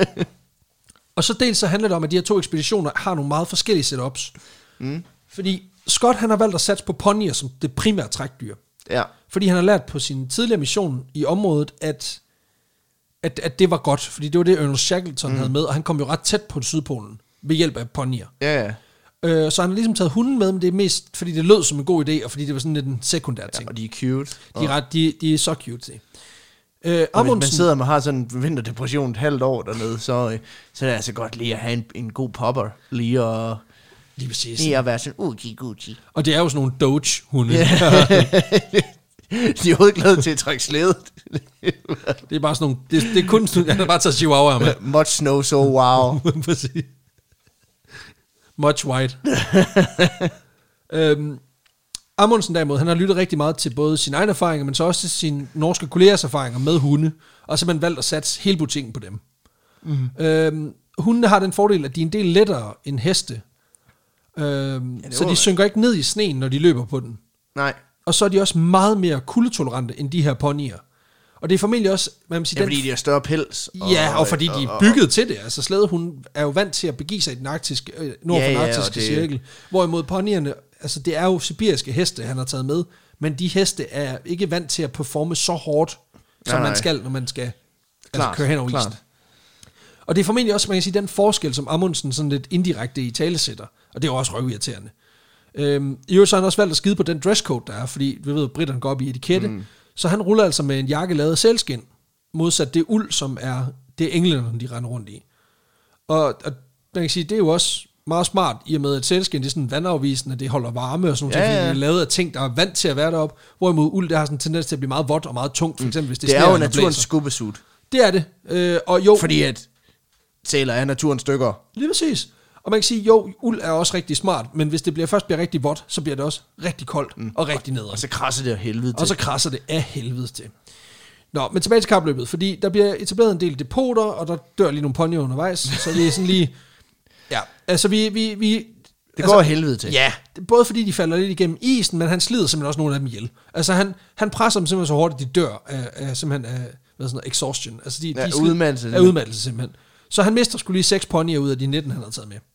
Og så rører der også lige en hund eller to. Men det, det er jo sådan. Nå ja, det er jo- Øhm, det viser sig simpelthen, og det er der fejlen den er, den første fejl Scott begår. Fordi han har fået en norsk ekspert til at indkøbe de her dyr i Sibirien.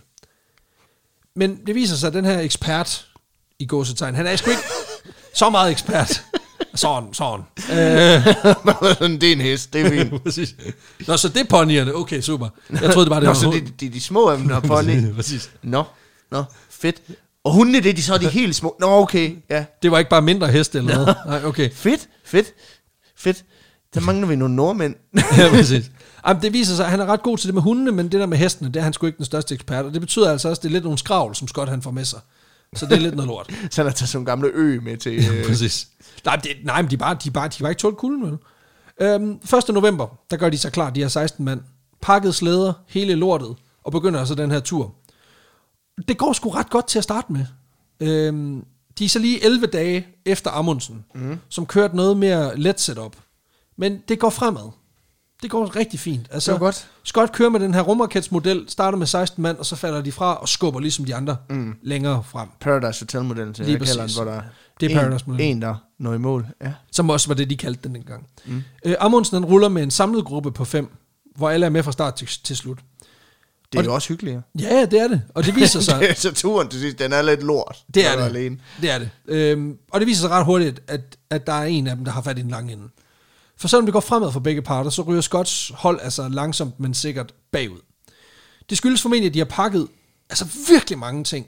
Altså, de har fucking meget lort med. Det er lidt, når jeg skal ud og rejse med min kæreste, så havde alt muligt lort med. bukser og sko og alt muligt. Om det er sådan noget med, at de har taget navigationsudstyr med, som dels er mega tungt, mm. og dels er noget nær umuligt at operere, fordi det skal kalibreres, før man kan bruge det. Og, og, Og det er ikke så godt. og det er svært, når man når fryser for nallerne. Ja, præcis. Dine fingre fryser fast på metallet. ja, du, Øhm. Og det der, man kender det der med, at man skal ramme en lille knap, og sådan, det er fuldstændig umuligt, når, du, når dine fingre er helt røde, ikke? Lige præcis. Og så er det noget med, at, at, altså, at hvor Scott, han har én navigatør, mm-hmm. så er stort set alle Amundsens mænd har navigationserfaring. Hvilket vil sige, at det er ikke én mand, de skal sidde og vente på at blive færdig. Altså, de kan simpelthen tage beregningerne samtidig. Øhm, så bruger de, uh, Scotts mission bruger også rigtig mange kræfter på at pakke den her lejr op og ned hele tiden. Øh, blandt andet ved, at, at hundeslæden den bliver pakket nærmest helt ud, hver gang de når til et sted, hvor de skal overnatte. Hvorimod Amundsen han holder lejren meget lille, mm. og så har han altid slæderne klar til at rejse videre. Sådan at, at de ligesom er meget ja. få timer Så han har ligesom, for nu at blive i lufthavns øh, analogien, ikke? så han har det der med, øh, altså, han har ikke pakket det hele i, i kufferten, han har lige lidt håndbagage med, der er nemt at tage af, så han lige har det, han skal bruge. Præcis, Det er på den måde, okay, lige præcis. Øh, og så kan man sige, lige en tandbørst. lige præcis, Husk at tage vandflasken af, det er det. selvfølgelig. Og så bruger Scotts øh, hold her, de bruger utrolig mange kræfter på at gå. Øh, fordi gå. Det, ja, sim- Og og, gå, og, gå, og gå. Simpelthen fordi det er begrænset, hvor meget hans folk de har lært at bruge ski. Og der er nordmændene bare nogle fucking bosses. Altså, de har styr på det. Og det vil Det sige, er sådan lidt, altså, du er lidt på udbanen, det er der, du skal lære at stå på ski. Nå for helvede, det var ski, der var smart her. Fuck. Ja, øh, og, og ja, det er et problem. Fordi hvis man kigger tidslinjen igennem, så kan man se, at- ret hurtigt kommer Scott faktisk bagefter. Mm. Øh, og da vi rammer den 14. december i 1911, der står Roald Amundsen kraftedeme på Sydpolen. Med sit lille hold, som de første mennesker nogensinde. Det er ikke fordi, de bruger lang tid, og de tager lige et målfoto, stiller et flag, tæller nogle småting op, og så, så vender de sådan set snuden hjem igen. Men det er jo også ligesom for os, altså flaget er der jo også til når Ja, det er bare lige... Scott han så endelig kommer frem, og der være lidt sådan, satans også. Lige præcis. Og det er nemlig også det, der sker, fordi der går 34 dage, før Scott og hans lille endelige hold her, de rammer samme sydpol. Og det, de får lov til at se, det er, at der står et fucking norsk flag og vejer. Hvilket er smart, fordi så slap de for at skulle gå med at tjekke på GPS'en. Ja, ja. Hvor er vi? Øhm, og det er fucking nederen, det øh, og som Scott så, så malende beskriver det i sin dagbog, Gode Gud, var det her et forfærdeligt sted. og forfærdeligt for os, at vi skulle igennem alt det her, uden at få nogen anerkendelse. Men det er dog stadig noget, at vi endte her. Ja, ja. Så han er Men sådan det var flot, de nåede det, kan man sige. gracious, gracious taber, Altså, ikke? man kan også sige, hvis han var en rigtig dårlig taber, så havde han jo lige lavet den der med sådan gå hen med kompasset helt hen til det flag, Amundsen havde sat, og så lige være sådan, Den er to, to centimeter ved siden ja, af. det, var sådan, "Mm, nej, det, skal lige, det er der, den skal være. Så, jamen, så har jeg ramt den rigtige side. Og man ved jo bare, altså, jeg kan faktisk godt følge ham. Altså, nu har vi jo været nomineret til en podcastpris, ja. Ja. og har tabt. Så jeg ved præcis, hvad det er, Scott har været igennem her. ja. Det er pretty much det samme. Jeg kan ikke forestille mig, at der kan være ret meget anderledes i at have slæbt sig gennem 1300 km i sne, vind, for så at se kvinde kendt din historie, ja. Som objektivt set er en okay solid podcast. Bare stå og veje med det åndssvage flag lige på målstregen. Ja, for det er ligesom, jeg slæbte mig til København, Præcis. for at sidde derovre og så tage hjem igen. Og så, og så trods alt give prisen til nogen, som rigtig faktisk fortjener det. Men nu det ligge et øjeblik. Ja, ja, men det gør Amundsen jo Du også. skal lige huske på, at nu er vi indineret nu. Nej, nu er vi sure. Det er vi er faktisk sure lige nu. Nej, det er jokes. Øhm, men det, det må være fucking hjerteskærende at have været så tæt på, og have haft pole fever i ni år. Det har kløet i skridtet i ni år. og nu... Og så kommer du ned, så bliver du blueballet. Det er fandme træls. Præcis.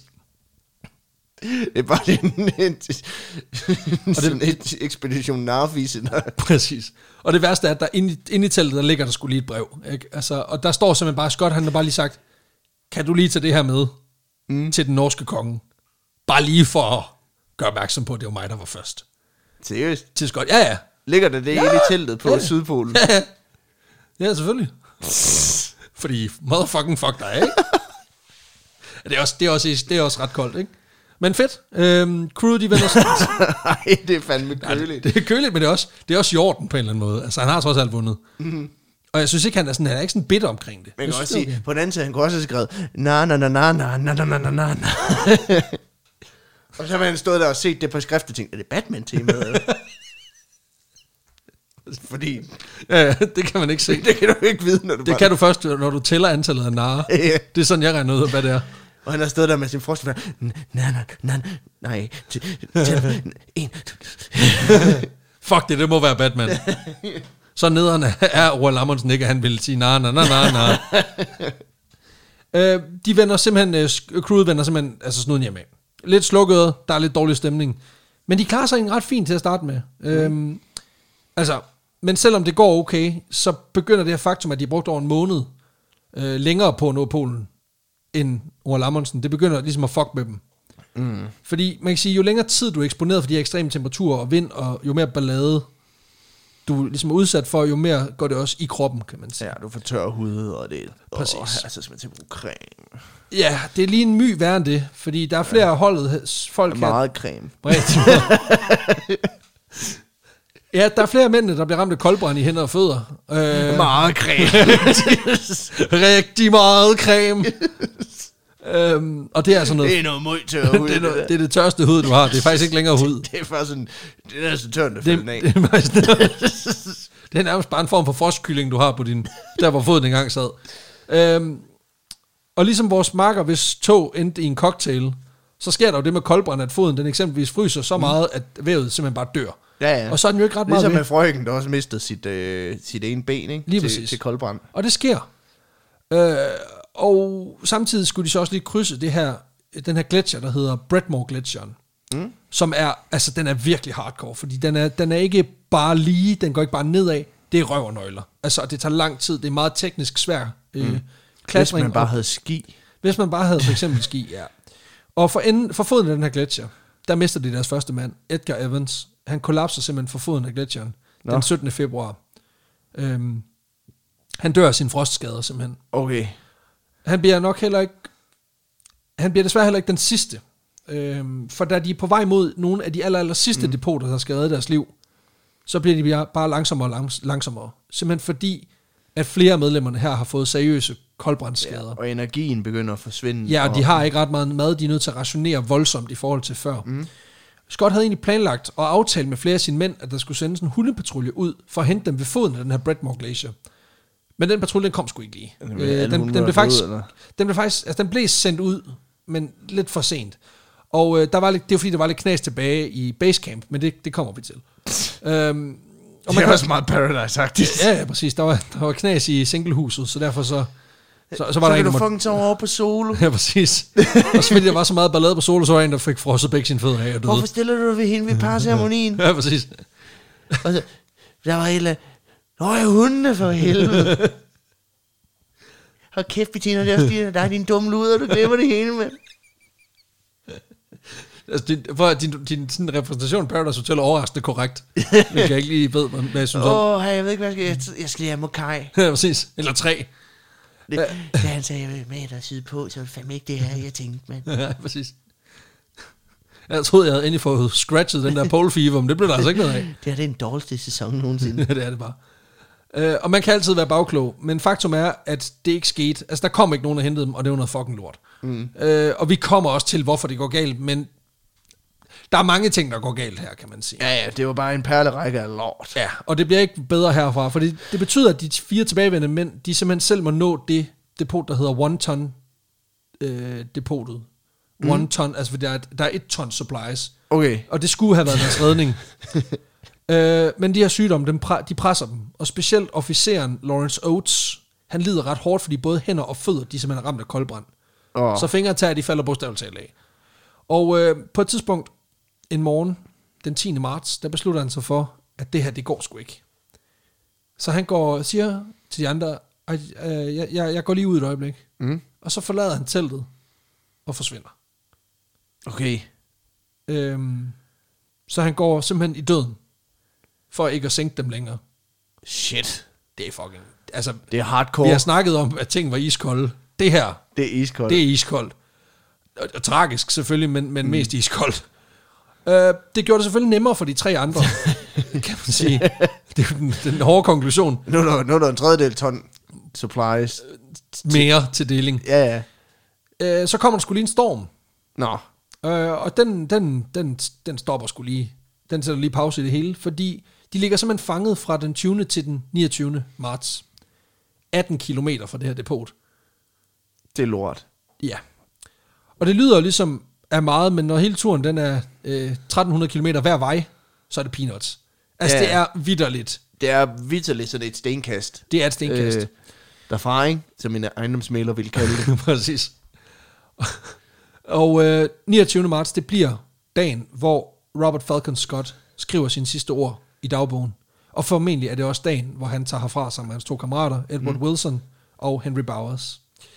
Knækket af det her gudsforladte kontinent, mm. som han havde forsøgt at betvinge. Senere er der så opstået en masse spekulation om, hvorfor det gik så galt. Og blandt andet så var der noget med, at hans ledelse ikke skulle have været den bedste. Mm. Han tager nogle ret dumme valg i forhold til at prioritere heste over hunde. Og han havde kun en navigatør, og så videre, så videre. En anden lidt vild detalje, jeg fandt, det var, at noget af deres brændsel Ja. i de her depoter skulle angiveligt være fordampet ud igennem flaskernes låg, fordi de propper, de brugt, Mm. var utætte. Fordi man havde brugt, jeg tror det var fordi man brugte kork. Og der er åbenbart en utæthed Ja. nogle steder, hvilket gjorde, at det simpelthen fordampet, øh, modsat Scott, eller modsat Roald Amundsen, som havde, altså han havde voks på sine, og det gjorde som at hans brændstof, det var der. Så de havde heller. Okay. ikke lige så meget at varme deres telte op med under de her storme, hvilket selvfølgelig også har, har påvirket dem. Så det er vidderligt både Ja, det, er- det er både det- kæmpe store fejltagelser, er men det er også bare marginaler, lige præcis. Øh, og der er mange grunde til, at det er endt fatalt, men vi er også bare nødt til at anerkende, at den her mand, han er en fucking fighter. Ja, Øh, og han prøvede virkelig meget sindssygt, men det er bare noget værd lort, at der så kommer en storm ind og låser dem fast så tæt på depotet. Ironisk nok, synes mm. jeg er ret forfærdeligt det her, øh, så var det egentlig planen, at det her depot skulle ligge, ligge meget, meget tættere på der, hvor, hvor de endte med at give op og dø. Øh, De gav jo ikke op, men der, hvor de, hvor de egentlig hvor, døde. hvor, hvor, hvor det endte. Ja. Præcis. Og Lawrence Oates, ham her, der gik ud af teltet, han skulle angiveligt have sagt til Scott, det der, det kommer du til at fortryde. Mm. Øh, og det kan man sige, det gjorde han jo også. ja. Så Hans sidste ord i dagbogen var, det, var, det skulle jeg nok have gjort. ja, det skulle jeg nok. Den tager jeg på mig. De to dage kunne vi godt have, kunne vi godt have brugt. Ja. Hvis I finder den her, så, så er den, det er sgu en kvejebajer. Ja, lige præcis. Jeg giver en kvejebar på den anden side. Ved man, hvad han skrev som det sidste i sin dagbog? Øh, jeg har ikke taget det med her, men, men man kan faktisk godt finde, man kan finde citaterne. Okay. Deres forfrosne lig bliver først fundet i november 1912, og øh, de bliver simpelthen begravet lige der, hvor de faldt. Altså, de blev ikke taget med hjem, de blev begravet på Sydpolen. Okay. Der blev simpelthen lavet sådan nogle store kors øh, og nogle store snebunker, der hvor de, der, hvor de, de døde. Okay. Øhm, og lidt ironisk, så sammen med dem, der fandt man 16 kilo fossiler, som senere er blevet brugt til at bevise, at Antarktis engang har været et varmt sted, hvor der er groet træer. Så der kommer noget vigtig viden med hjem. Men, men at det er en prioritet at bære rundt på 16 kilo sten, når man er ved at dø, det, det ved jeg ikke lige, hvordan jeg har det, Det er også bare, man, man, er kom, man er kommet derop, så man har fundet de her fossiler, der sådan er tæt på der, hvor, hvor, hvor de ligger også er efterhånden blevet til fossiler, de har ligget i, Præcis. i, i, i totalt så man er sådan, vi kan konkludere, at på Antarktis har der engang levet, øh, levet alle mulige planter, små dyr. Der har også engang levet en polarforsker. Og se, det her det er en kakelak. Nej, det er det ikke. Det er Henrys fod. Ja. Øh, du, har, du har fået snitterne i der. Mm. Nå, så Og har kom- jeg alle ingredienser til sourcoat to- cocktail. Hvor fedt. Præcis. Og det er virkelig forfærdeligt. Øhm, ja, det Men- var direkte afskyeligt. det er det, men vi er ikke færdige nu. Fordi der var også andre grupper, der blev sendt ud i to mm. andre retninger. Dem tager vi lige hurtigt, og så, og så slutter vi på en high note. Eller i hvert fald en super klam high note med nogle pingviner. Okay. Øhm, for det gik faktisk også galt i de to andre store missioner, der blev sendt afsted. Den vestlige mission, den løb fra juni, øh, hen over juni og juli i 1911, altså før Scott han tog afsted mm. mod Sydpolen. Målet det var at skaffe æg fra kejserpingviner, fordi der var en teori om, at pingvinerne måske kunne være et bindeled mellem reptiler og fugle, fordi de havde udvist nogle karakteristika på øh, fosterstadiet fra begge.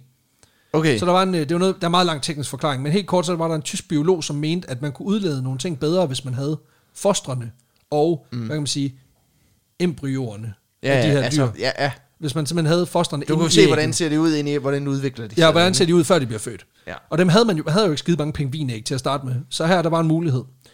Øhm, så i bedste sådan, øh, hvis du alligevel skal ned og handle, så tag lige en pose chips og nogle dip med. Så Ja. fik den her tyske forsker, æg med, ikke? præcis, så fik den her tyske mand lige åbenbart fik overbevist Terranova om lige at tage nogle æg med hjem. Og øh, det er en lille gruppe, der ryger afsted på den her tur. Det er en lille rask gåtur på cirka 100 km i komplet mørke, fordi det var vinter. Mm. Øhm, og så må de så også lige finde sig i temperatur på minus 60 grader. Shit. Yes. De når frem til Camp øh, Crozier, som er der, hvor de skal finde de her æg. Mm. Og der finder de 100 pingviner, der står klumpet fuldstændig sammen i en stor, tæt klump. For det viser sig, at når det blæser helt vildt sindssygt meget, og det er minus 60 grader, så varmer kejserpingviner sig ved simpelthen at ignorere alle coronarestriktioner. Ja, og, og så bare hotle sig sammen. Ja, og øh, der er ingen personal space. Overhovedet ikke, fordi det handler om kropsvarme. Og så skiftes det simpelthen på at stå inde i midten og, og hygge sig. Og så er der nogen, der tager, der hiver lorten og står ude i kanten og tager bare imod vejret. Og så moshpitter de så moshpisser de simpelthen. og så skiftes de simpelthen, sådan, så er der simpelthen udskiftning i, hvem der skal stå ude og tage kulden. Ja. Og alt imens de her primært mandlige pi- hanpingviner gør det her, så balancerer de de her befrugtede æg på deres fødder. Fordi det er mændene, der udruer øh, Ja. pingvinæggene. Så hvis du forestiller dig 100 klovne, der står og balancerer Ja. ja. bolde på deres fødder, samtidig med, at de prøver at moshpitte i stillhed. Så man forestiller dig landshold, der alle som står og dribler. Præcis. Imens at de skal stå skulder ved skulder og sørge for, at der ikke er nogen, der fryser ihjel. Nå, men øh, de her tre mænd, de gør hold, laver en iglo og hænger ud, indtil den her øh, storm, den lige blæser taget af igloen, og, og fyrer deres eneste telt af helvedes til. Ja. Ja, i øvrigt så rammer frosten også minus 61, så nu bliver det lige et hak værre. De vurderer i hvert fald ret hurtigt, altså de har ikke været der mere end en halv dag eller sådan noget, der vurderer de, vi tager de her æg, og så fucker vi af, fordi det her, det er noget fucking lort. Det holder ikke. Nej, også fordi da det der telt, det blæser helvedes til, så er det sådan lidt, okay, vi kommer til at dø nu, agtigt. Men de tager æggene. Mm. Og øhm, de stjæler fem æg fra nogle øh, ret skrabende pingviner. fordi de er sgu ikke fan af det her. Øh, og så vender de simpelthen kajakken hjem af. Og på vej tilbage, der finder de helt De har, mirakuløst. de, har prøvet at følge efter, men så er de kommet væk fra flokken, så er sådan, han er Nej, det er fucking koldt her. nu er jeg også kold på bagsiden. Fuck det her. øh, på vej tilbage, der finder de helt mira- mirakuløst deres telt, hvilket er sindssygt, når man tænker på, der, der er bælragende mørkt. Ja. Så øh, det Ej, det minder mig faktisk om, om en lille ting fra min, Ja. ja. min hverdag. Den Kom anden. Det, er også, det stormede helt vildt meget for, for halvanden uge siden. Nå ja, for helvede. Og så har jeg faktisk stået meget med, hvor, med dæknet til hvor, min, øh, min Weber-grill ude på altanen. Den er simpelthen blevet reddet væk i den her storm. Du har lige købt det. Jeg har lige købt det, puttet det på. Og så simpelthen væk, da jeg kom hjem fra efter jul. Og så jeg simpelthen, jeg er gået rundt og let efter det. Og så ligger det kraftet med lige her, lige hernede for altanen, i en busk, hvor jeg ikke kunne se det. Fuck, hvor Så jeg ved totalt, hvordan de har det, når de finder det der telt. Relatable content. Fordi Fordi- her Dårligt vejr. Ting, der blæser væk. Finder det tæt på. redder dit liv. Ja, ja i hvert fald redder min grill. Det er tæt på at være et liv for nogen. Altså, hvis du er fra Alabama, så er det næsten det samme. Det er bare for at sige, I relate. Relate. Hashtag relatable content. Præcis. De finder simpelthen det her telt, og det gør selvfølgelig resten af turen lidt, lidt lettere. Øhm, og det er sjovt, at samtidig med det foregår, så har de også et, et lille benspænd. Nå, fordi de skal holde de her æg varme, fordi hvis de, bliver for, hvis, de bliver, hvis de fryser, så går de i stykker. Så det de gør, det er, at de har stoppet dem ned i deres handsker. Samtidig med, at de så har deres hånd dernede, så varmer de simpelthen æggene med deres hænder. Okay. Så de er sådan, ligesom at have luffer på, bortset fra, at det du har derinde, det er noget, der kan gå i stykker. og så skal de ligesom gå 100 km med det. De når hjem 1. august, og har kun smadret to æg på vejen. Eller som jeg kalder det, frokost. De er kommet hjem, sådan vi to fem. Der er desværre to, der er quote unquote gået i stykker. Mm. Men, øh, Men vi har fundet ud af, hvordan man laver en gedin æggesnap. Præcis. De, tre, de tre sidste, og det synes jeg er lidt klam her, men de tre sidste, de bliver simpelthen slået ud, og så bliver fostrene syltet og sendt til London på det næste What forsyningsskib. the fuck? øh, og her der skærer man simpelthen de her syltede fostre i skiver, så man kan analysere anatomien. og Put det ting. på en god hotdog. Præcis, mm. præcis. Sliced ham. og på den her... det er bare forestille mig måde, man opdagede syltede agurker på. Det er fordi, man har sådan stjålet nogle agurkeæg over i et sted, og så syltede det, og så taget med hjem, og så er der en, der var sådan, de sgu da meget gode. Det skulle da dem her. Fordi agurker lægger æg. Ja, det gør de jo nemlig. For helvede, Peter, mand. øhm, den her lille mission, den bliver af en af mændene, der tager på den, en fyr, der hedder Absolute Cherry Gerard, beskrevet som den værste tur i verden. Det er også et dårligt roadtrip. Og det kalder han den i sin bog med titlen Den værste tur i verden. og den bog beskriver hele hans Antarktis ekspedition, som er den værste tur i verden, men den værste tur er den værste tur. Det er at gå 200 km for at få fat i tre Okay, så pingviner. det er sådan den dårligste, det er den dårligste etape i det kedeligste Tour de France. Ja. Og det bliver værre nu. Fordi de her tre æg, de ender med ikke at bevise en fucking skid. Fordi de får lov til at øh, nærmest at rådne op. Øh, fordi øh, man når først til at undersøge de her mærkelige form for pingvin pickles i skiver i 1930'erne. Altså 25 år efter, 20 år efter, at, øh, at de er kommet til London. Der er sådan, de har stået på en hylde, og så på et tidspunkt, så er der sådan en videnskabsmand. bagerst i køleskabet. ja, og, så, Hvad er det der? og så er han sådan, åh for helvede. Ej, jeg, jeg vidste, der var noget, jeg havde Hvad glemt. var det nu? Det var noget med nogle øjler og nogle fugle. Præcis. Og, ja, det ligner en øjle. Det gør det i hvert fald nu. Det værste ved det var, at, at den her teori, den var allerede fuldstændig forkastet, da de, da de nåede til de her pickles. Så det var sådan lidt, nå ja, det er lige meget. Øh, Men det er meget griner. ja. Men det bliver værre og klammer endnu. Pingvin pickles. Ja. Fordi nu slutter vi med at følge Hold Øst til Robertson Bay. Okay, hold løst. Nu er det hammerslag. Præcis. Og lige om lidt, så skal de vurdere en hytte, så det bliver perfekt. Øhm, Ikke nu, den her, den her to rum. Ja, ah, det er dejligt, ja. Ja, der mangler så en væg, men det er lige meget. ja, og telt, der ligger derude et eller andet sted. Jamen, det er dejligt. Et stenkast herfra, måske. Måske med 90 meter i sekundet vind. Ja, vi er jo i det, man øh, i polar termer kalder for et stenkast fra basen. Det vil sige 1500 km. Præcis. Det er noget af et stenkast, men, men ikke desto mindre, så, øh, så er det, det, er- det er bare et par dages gåtur, så det er fint. er der garage til slæden, eller hvordan? Nej, det er der ikke. Det er der slet ikke. Central varme. Hvis du stiller ind mellem pingviner. Præcis. Der er pingvinvarme. Det er den bedste slags. Og du kan få varmet dine æg på fusserne af de her pingviner. Nå, de starter i hvert fald med at, starte, at, at rejse mod øst, men de ender med at sejle mere mod nord, fordi de løber ind i Amundsen og er sådan lidt, fuck this. Vi gider, vi gider ikke være, hvor han er. Så de rejser mod nord og ender ved noget, der hedder Camberdaire i februar 1911, Ja. ja. hvor det var meningen, at de blandt andet skulle lave en masse meteorologiske observationer, mm. og skulle observere vintercyklusen øh, meget tæt på havet. Okay, ja. Og det kommer de også til på et tidspunkt, fordi øh, efter den første vinter, øh, i sikre Camberdaire, mm. hvor der er, en, an, der er andre polarforskere, der tidligere har været der, og de har efterladt nogle bygninger, de kunne sove i. Mm. Øh, så efter de ligesom har tilbragt den første vinter der, så øh, rejser de ned til kysten for at lave en masse undersøgelser. Og da vinteren så begynder at vise sig igen, det vil sige, da vi når til december måned cirka, Ja. ja. november-december, så var det egentlig meningen, at det her skib Terra Nova, det lige skulle, du skulle hente dem igen. Ja. Så de ikke, du ved, skulle blive på stranden hen over vinteren. Øh, men, men skibet kom sgu ikke lige, øh, fordi det var skulle lige sejle tilbage til New Zealand for at hente forsyninger og, og tage en slapper. så de her seks mand, de er sådan bare efterladt på en strand What på Sydpolen. fuck? Hvorfor? Fordi man lige havde... Det, der, det gik sgu ikke lige med lige at få dem hentet. Så det måtte de skulle selv lige finde ud af. Øhm, Det er med, fandme hardcore. Ja. Altså. og fordi der gik af meget pålandsvind hernede, så er telte ikke en mulighed. Fordi at det simpelthen blev blæst, blev blæst af helvedes til. Så de bygger en hule af is, som mm. de så bor i vinteren over. Øh, og fordi at, fordi at de ikke havde regnet med, at de skulle være der vinteren over, så de skulle heller ikke lige pakket vintertøjet, da de tog afsted fra Camberdaire. Nej, nej. De har ikke vinterdæk med til snescooteren. Det, Eller- det er helt lort. eller vintertøj med, så jeg forestiller mig, at de har stået i sådan Hawaii-skjorter og været super underdressed. Ja, de har bare været sådan stået nede på stranden og været sådan, vi er klar til beach party. Præcis. det var ikke lige det, vi havde forventet. Jeg, jeg troede, det var full moon party. Nu er det bare full winter party. Fuck. Øh, Jeg troede, det var sådan en white party. Det er bare... Lort. Nu er det Ice Party. det er bare lort. Ja, området er samtidig også mere eller mindre støvsuget for liv i den her periode, så mad er der ikke ret meget af. Så de kører en meget stram diæt, øh, og det betyder, at hver eneste gang de fanger en sæl eller en pingvin, så æder de helt lortet.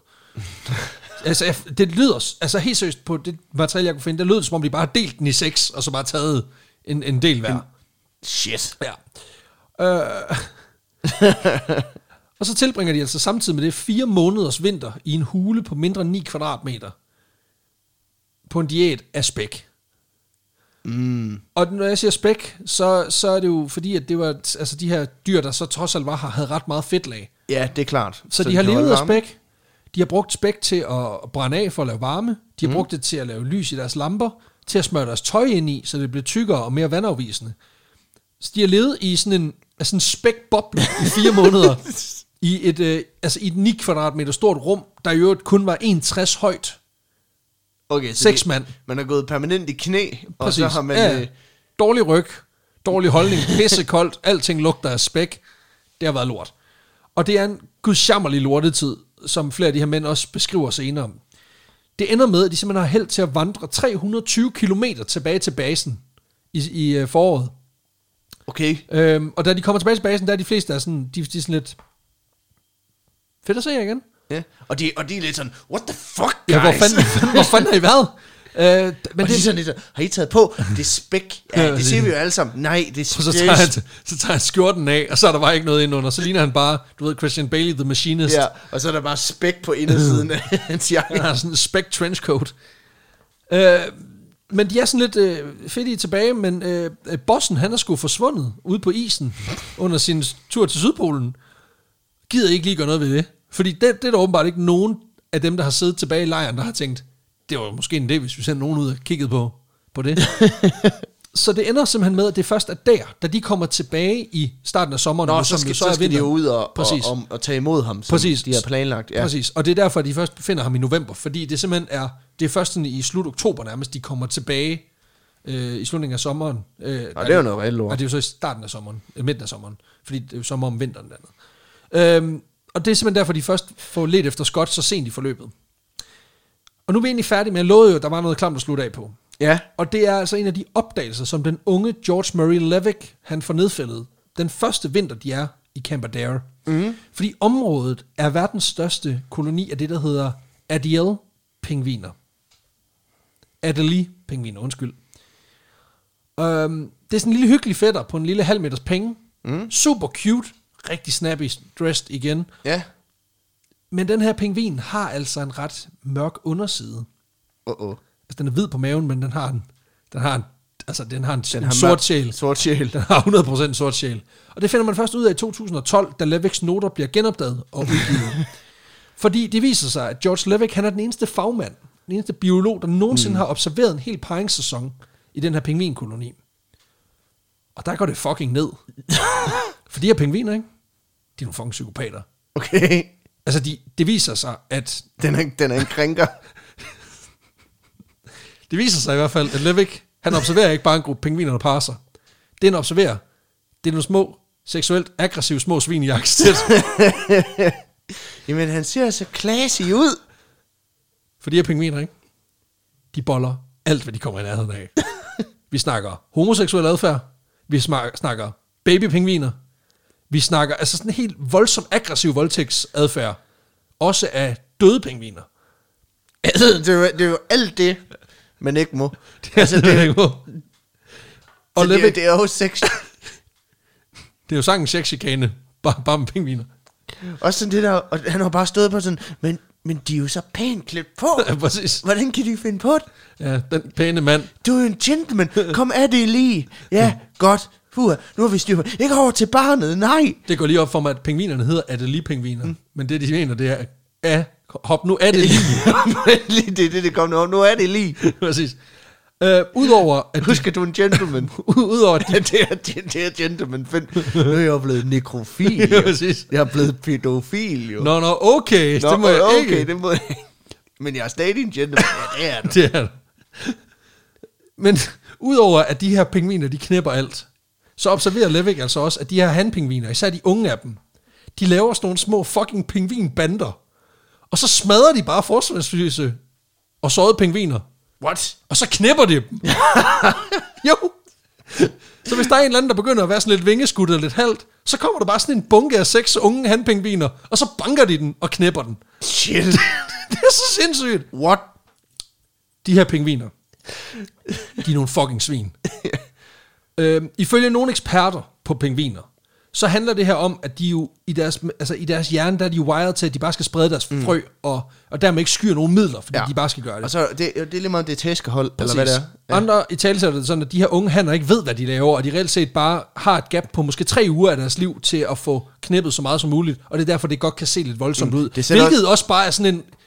Du, det, det, det er jo også det, man siger for folk, der forsvarer krænkere. Mm. Man ved jo ikke, hvad han ved ikke, hvad han... Altså, ja. Det er jeg ikke gør for. Det er sådan, Det- han, han har glemt det. Du skal huske på, det var en anden tid dengang. Han kan ikke huske det. Der var jo tre, der var jo tre uger, hvor jeg var et kæmpe svin. Det var Ja. en anden tid. Det var, det, var, det var den eneste, jeg havde til at sprede min sæd. Det bare det. Præcis. det, det er the penguin defense. Præcis.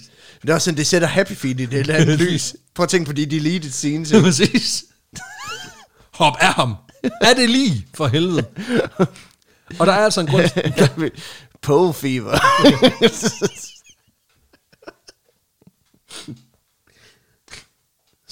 Så, stopper vi. Der er altså en grund til, at de her nye detaljer først kommer frem i 2012. Fordi faktisk så blev de her observationer allerede indlemmet i British Museum of Natural History samling af mm. noter, da missionen sluttede i 1913. Men kuratoren på museet, Sidney Harmer, han vurderede lynhurtigt, da han havde læst de her noter. Det er simpelthen for klamt, det her. Det er noget gris. Det er simpelthen for ulækkert. Øh, og det går sgu ikke, fordi det her, det er et pænt museum. Så vi kan sgu ikke udgive sådan noget smus. Pingvinporno. så, så han blokerer simpelthen for, at den her forskning kommer ud. Fordi det er pæne sted. han dækker simpelthen over voldtægtspingviner. det synes jeg er for sindssygt. Og så er han sådan set pisse ligeglad med, om Levick har siddet på hug i 4-5 måneder i en hule lavet af is, for at renskrive det her lort. Fordi, ved du hvad, nekrofile pingviner, det er kraftet med for meget. Ja, nu stopper du. Det er ulækkert. Jamen, det er da også meget andet i naturen, der... Ja, Men ikke så klamt. men, men det her, det er jo ukristeligt. Ja, præcis. Og det bliver endnu bedre, fordi jeg fandt en kilde, som nævner, at der er passager af den her forskning, der faktisk er blevet udgivet Okay. på græsk. Okay. Fordi man har vurderet, hvis du skal udgive noget om klamme pingviner, der, der, der, der gangraper andre døde pingviner, så skal det foregå på Og græsk. de har jo bare kigget på det gamle græn, og bare sådan, de knæber alt. Der Præcis. det er jo det. Der er jo nogen, der har vurderet, ved du hvad, hvis det skal udgives, så lad det der for helvede være på et sprog, hvor der ligesom er noget, der er noget fælles fodslag her. Og det er helt fucked up. Øhm, men her der slutter historien også om Terra Nova-ekspeditionen, som helt klart er en af de værste ekspeditioner, der skete i The Heroic Age of mm. Antarctic Exploration. Wow, det er jo worst trip ever. Worst trip ever. Og vi skal have placeret Robert Falcon Scott, Og hans- Terra Nova og voldtægtspingvinerne Ja. på et. Terror, terrible Nova. Terror Nova. Terrible Nova. Og vi, øh, vi skal have den ind på vandhedsbarometeren. Ja, det skal Efter vores fem kriterier. Vildskab. Vildskab. LOL-faktor. Uniqueness. Ja. Indflydelse og, og- extra spice. Jesus Christ. Jeg glæder mig til den dag, hvor vi kan koordinere, så vi bare kan sige det i kor, men det er altid sådan noget. Nå- ja. Og, øh, ja. Nå, nå, okay. Men jeg kan godt starte. Ja, tak. I Hvor vild- er den? Hvor vild er den? Det er jo, altså, det er jo en helt vild bedrift. Det er det. Øh, og, og, og det snakker vi også om i forbindelse også med Frøken, som jeg husker det her med de her ekspeditioner, er jo sindssyge bedrifter. Ja. Øh, kræver sindssygt meget af de mennesker, der gør det. Kræver sindssygt meget forberedelse. Kræver sindssygt meget øh, vilje, overlevergen. Øh, alt muligt. Øh, og kræver også, at man træ- træffer nogle hårde valg. Altså sådan, Nå, så blev det sgu ikke lige over, vi fik hentet dem. Så, Ja, præcis. altså, men øh, altså, så alene det er jo en kæmpe, et kæmpe plus hos mig. Jeg vil gerne give den 7. Så giver jeg den... Øh, jeg giver det også en 7. Så vi er, vi er på 14 her. Ja. LOL-faktor. Altså, jeg vil sige, at voldtægtspingvinerne trækker voldsomt op for mig. ja, det gør det også for mig, men øh, ellers er det ikke så London, for de fryser ihjel, kan man Nej, sige. præcis. Men altså også bare, alting går så komisk mm. galt. Ja, lige præcis. Så altså, altså, jeg vil sige, det er en, det er en sekser for mig. ja, altså den... Øh, Der, der er virkelig alle de her ting, hvor, hvor det helt går galt, der også bidrager til, til, til, til noget af det komiske. Men på, jeg synes, mangler måske også lidt noget af det der, man havde med, i Frøken, hvor der er sådan det der med Pøløksen. pøløksen, eller nogle af de her sådan, mere sådan, hvor det bare bliver helt wacky. Øhm, så på den måde, så vil jeg gerne give den, give den 6. Der er, en, der er ikke nogen smoking pøløkse her. Så det bliver en 6. så vi er på 26. Ja. Uniqueness. Der var jo 17 ekspeditioner i den her tid. Øh, og i dag er der jo etableret handelsstationer og alt muligt her. Og man kan sige, det var egentlig, egentlig i rækken, og som du selv siger, det var en del af det her pole fever, der kørte på det her tidspunkt. Mm. Øh, så det er jo ikke unikt, men man kan sige, at hele jagten til Sydpolen var der jo få der noget, så på den måde er han jo unik. Ræs, ræset er reelt set måske mellem fire eller fem mennesker. Ja, så, øh, så, så det var jeg jo selvfølgelig lidt op, og igen, det er jo ikke noget, som alle kaster sig ud i. Nej. Øhm, så... Bum, bum, bum, bum, bum, bum, bum, bum.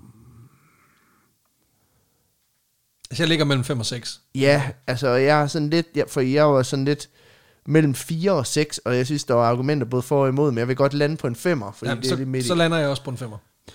Indflydelse. Altså man kan sige, Robert Scott han skrev manualen i, hvordan man ikke skulle gøre. Ja, Og øh, på den måde kan man sige, how at, to not how to not do it. Og jeg tror helt for klart, dummies, jeg tror helt klart, at der er meget af det her viden, der har været værdifuldt for de senere. helt vildt meget. Så Det- jeg tror, det har gjort enormt meget. Plus, at man kan sige, for eksempel, at de kommer hjem med de her fossiler, mm. som trods alt beviser, at Antarktis var faktisk et, mm. var faktisk et, et sted, der engang havde været planter. Ja. Og man kan også sige sådan, øh, nu, snak, nu har vi meget fokus på Scott og Terra Nova, men også at noget af det Amundsen, de erfaringer, han gjorde sig i den forbindelse, for hvad der virkede.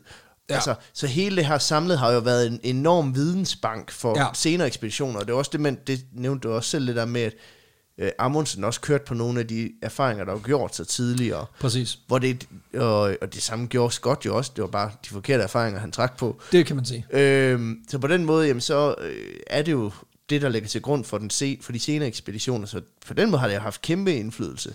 Jeg tror måske også, at man skal se det sådan, at Terra Nova var, og Discovery også før den, var, var mere videnskabeligt funderet, mm. end, end Roald Amundsens var. Fordi det var lidt mere sådan en, vi skal nå herned. Altså det, han havde måske også mere et klart mål på den. Ja. måde. Scott skulle ligesom micromanage mange forskellige mm. ting, og havde ikke ligesom bare fokus på at komme først. Nej. Selvfølgelig har Roald Amundsen også haft en masse videnskabelige småting, men det, har, det lød ud fra, hvad jeg har kunne researche, mere som om, at Roald Amundsens primære mål var at komme til Sydpolen. Ja. Hvilket også er fair, øh, fordi at han har sådan meget mere sådan geolo- geografisk mm. vy på Så det. sådan Sådan, på, øh, på indflydelse på, hvad kan man sige, videnskabshistorien øh, og på øh, ud, hvad kan man sige, udforskningshistorien. ja, det, der er rigtig meget, for de kommer Der- med virkelig mange Ja, ting. der vil jeg give den en 8. Ja. Ja. Jeg giver den, jeg er på en 7. Så Ja. det er 15 i alt. Extra spice. Der, er- der er god spice i de pingviner.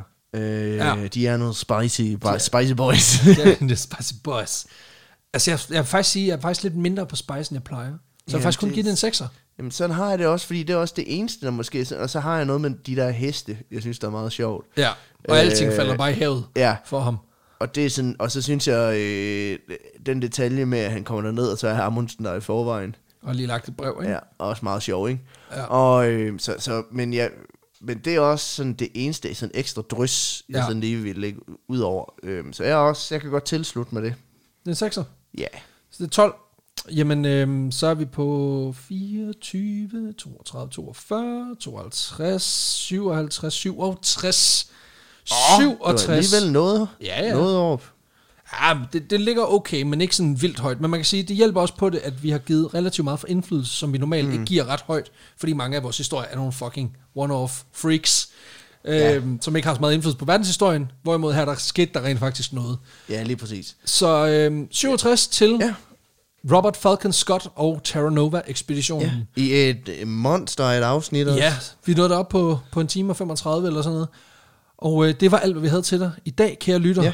Først og fremmest vil jeg lige sige tusind tak endnu en gang til dem, der følger med i det nye år. Mm. Vi, øh, det ser ud til, at det stadigvæk går fremad, hvilket er super fedt. Vi er super glade for at, at have jer med. Ja, på, på- på stadigvæk. På rejsen. Ja. Jeg håber, det bliver en bedre tur end, end Scots. Ja, ja, præcis. Men altså, så ikke med alt det her corona-lort, så tror jeg, at øh, den, den, jeg, jeg ved, hvordan han har haft det. Ej, det ved jeg også med mit grilldækken. Lige præcis. Altså, det er igen... på den måde har vi god til at, at, at, at, Grillgate, at, at, jeg se, at se virkeligheden i vores first world problems. Ja, Men øh, ja, det har sgu været, øh, det har sgu været en, en, en, en vild rusketur i 2020. Ja. Jeg håber på, at vi kan få lidt mere stabilitet på 21. Lige nu er der ikke rigtig meget, der tyder på det, men det kan være, at det bliver bedre. Ja. nu er vi i hvert fald det mindste forberedt på, at det kan blive noget fucking lort. ja, ja. Men øh, I hænger ved, kære lyttere, og vi elsker jer for Og det. tusind tak for det. We love you, you are very special. Ja, Som man ikke skal sige, hvis man skal udelukkes af Twitter. ja. Og tusind, til dem af jer, der ikke gør det, kan vi kun opfordre til. Følg os ind på de sociale medier. Vi hedder Vanvittig Verdenshistorie mm. Podcast på Facebook. Vanvittig Verdenshistorie på, face, på Instagram. Mm. Og så øh, selvfølgelig også, hvis du kan lide det, du hører, kan du støtte os økonomisk. Det kan du gøre inde på tier.app 10er.app, og så kan I finde vores projekt derinde. Mm. Det er der lige pludselig lige omkring 190, der gør lige i øjeblikket. ja. Og det, så kan I jo donere det, i, det I ønsker. Lige præcis. Per afsnit, alt fra øh, helt ned til en krone. Hvilket øh. ikke giver så meget mening, men altså, det skal jeg stå i frit for. Ja. Og øh, jeg vil sige det sådan her, det er jo kun på vores fuldlængde afsnit, vi rent faktisk trækker pengene, så det er kun to gange om måneden, mm. modsætning til, til fire, som man godt kunne agitere for, i og med at vores Pixie-afsnit efterhånden er lige så lange som de korteste lange afsnit. Mm. Lad nu det ligge, det får I bare med gratis. Det ja. ja. sådan der. Og så er der selvfølgelig også en mulighed for, at I kan donere til os ved at prøve vores samarbejde med Zetland. Ja. Og Det det, er her- jo sådan, at hvis I går ind på zland.dk Augsburg Rocks, og det er altså z e t l a n d.dk skråstreg A-U-G-S-B-U-R-G R-O-C-K-S. Lige præcis. Så kan I øh, skrive op til et abonnement på netavisen Zetland. Øh, To måneder. to måneder. 50 kroner. Lige Lille præcis. femtedel af normalprisen. Så får vi, øh, så får vi sgu 200 Bobbes. øh, splindrende danske kroner Knitrende danske kroner. øh, af Zetland for, for den indsats, som I, øh, som I har gjort der. Og øh, det er en rigtig god vis, de prioriterer øh, kvalitet over og kvantitet, går virkelig i dybden med nogle ting. Jeg vil stærkt anbefale i, i den her uge i hvert fald, at man går ind og læser den, som de har skrevet omkring besættelsen af Capitol Hill. ja, Capitol Hill i, øh, i Washington. Det er udførligt, hvor de beskriver både, hvad der sker time for time, men også, hvad der har ledt op til nogle af de forskellige begivenheder. Når Trump siger sådan, hvad ligger der så i det? Hvad for en historik der er bag det? Enormt interessant. Så øh, den kan klart anbefales, og man kan selvfølgelig også høre det hele på lyd, hvis man er, hvis man er med til det. Jeg er begyndt at høre det i min... Øh, sådan, når, jeg, når jeg skal nogle steder, når jeg skal køre bil, når jeg skal mm. sove, sådan nogle ting, så, øh, så kan jeg godt lige finde på lige at lytte en gang. Og det er altså ret fedt. Lige præcis. Det må jeg sige. Og så til sidst, så skal vi jo nævne, at vi har fået en lille... Vi har fået en, Vi skulle få, få en sponsor vi har fået en sponsor. Kræften få en sponsor. Ja. En, en, en, en velkendt ven af programmet. Mm. Det er jo simpelthen dig, Bagmeter Bjarke, a.k.a. Bjarke Forsgrav, der simpelthen har smidt... Han er simpelthen blevet guldpartner på Vanvittig Verdenshistorie. Ja, det kan man godt kalde det. Han Han har har, købt premium. Han har købt premium abonnement af vanvittig verdenshistorie. Øhm, han har simpelthen spurgt os, om nu hvor han i forvejen laver al vores databehandling, om vi ikke kunne lave et lidt tættere samarbejde. Så han har simpelthen smidt en, øh, en rimelig klækkelig engangssum for 2020, eller 2021 hedder det. Mm.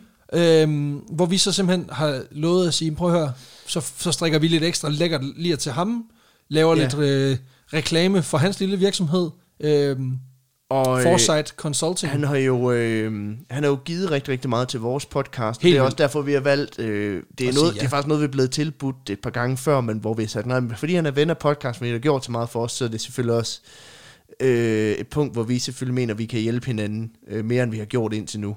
ja, Og øh, det er jeg- super fedt. Ja, altså, han har den her virksomhed Foresight Consulting, hvor han laver nogle visualiseringer, noget databehandling for, for virksomheder. for virksomheder. Så hvis man sidder derude og tænker, hold kæft, det var fandme lige det, jeg sad og manglede, så, øh, Så tag, giver ham sgu lidt kaldt for helvede. så tag fat i, øh, i Foresight Consulting.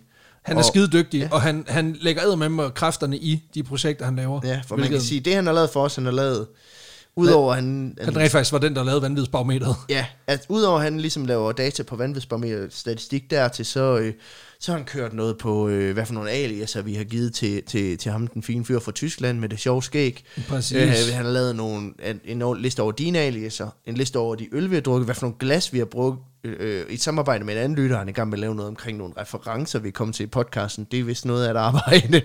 og, øh, og så videre, så videre. Og hvis man vil se nogle af dem, så kan man gå ind på barometerbjerg.dk og, og, se, og se dem der. Hvad, Lige præcis. Det og ellers så kan man gå ind på, for at se noget af det andet arbejde, han har lavet, kan man gå ind på foresight.dk, f o r e s i g h t.dk. Så øh, skud, Barometer Bjarke. Tusind tak for, øh, for donationen. Tusind tak, fordi at du er det evige anker, der holder det her skib oven vande. Mm. Udover alle jer andre kære lyttere, som vi jo elsker mm. meget højt. Kan I, øh, kan Ja. Have en goddamn god uge, og vi lyttes igen ved igen på søndag. Moin. Helvede morgen.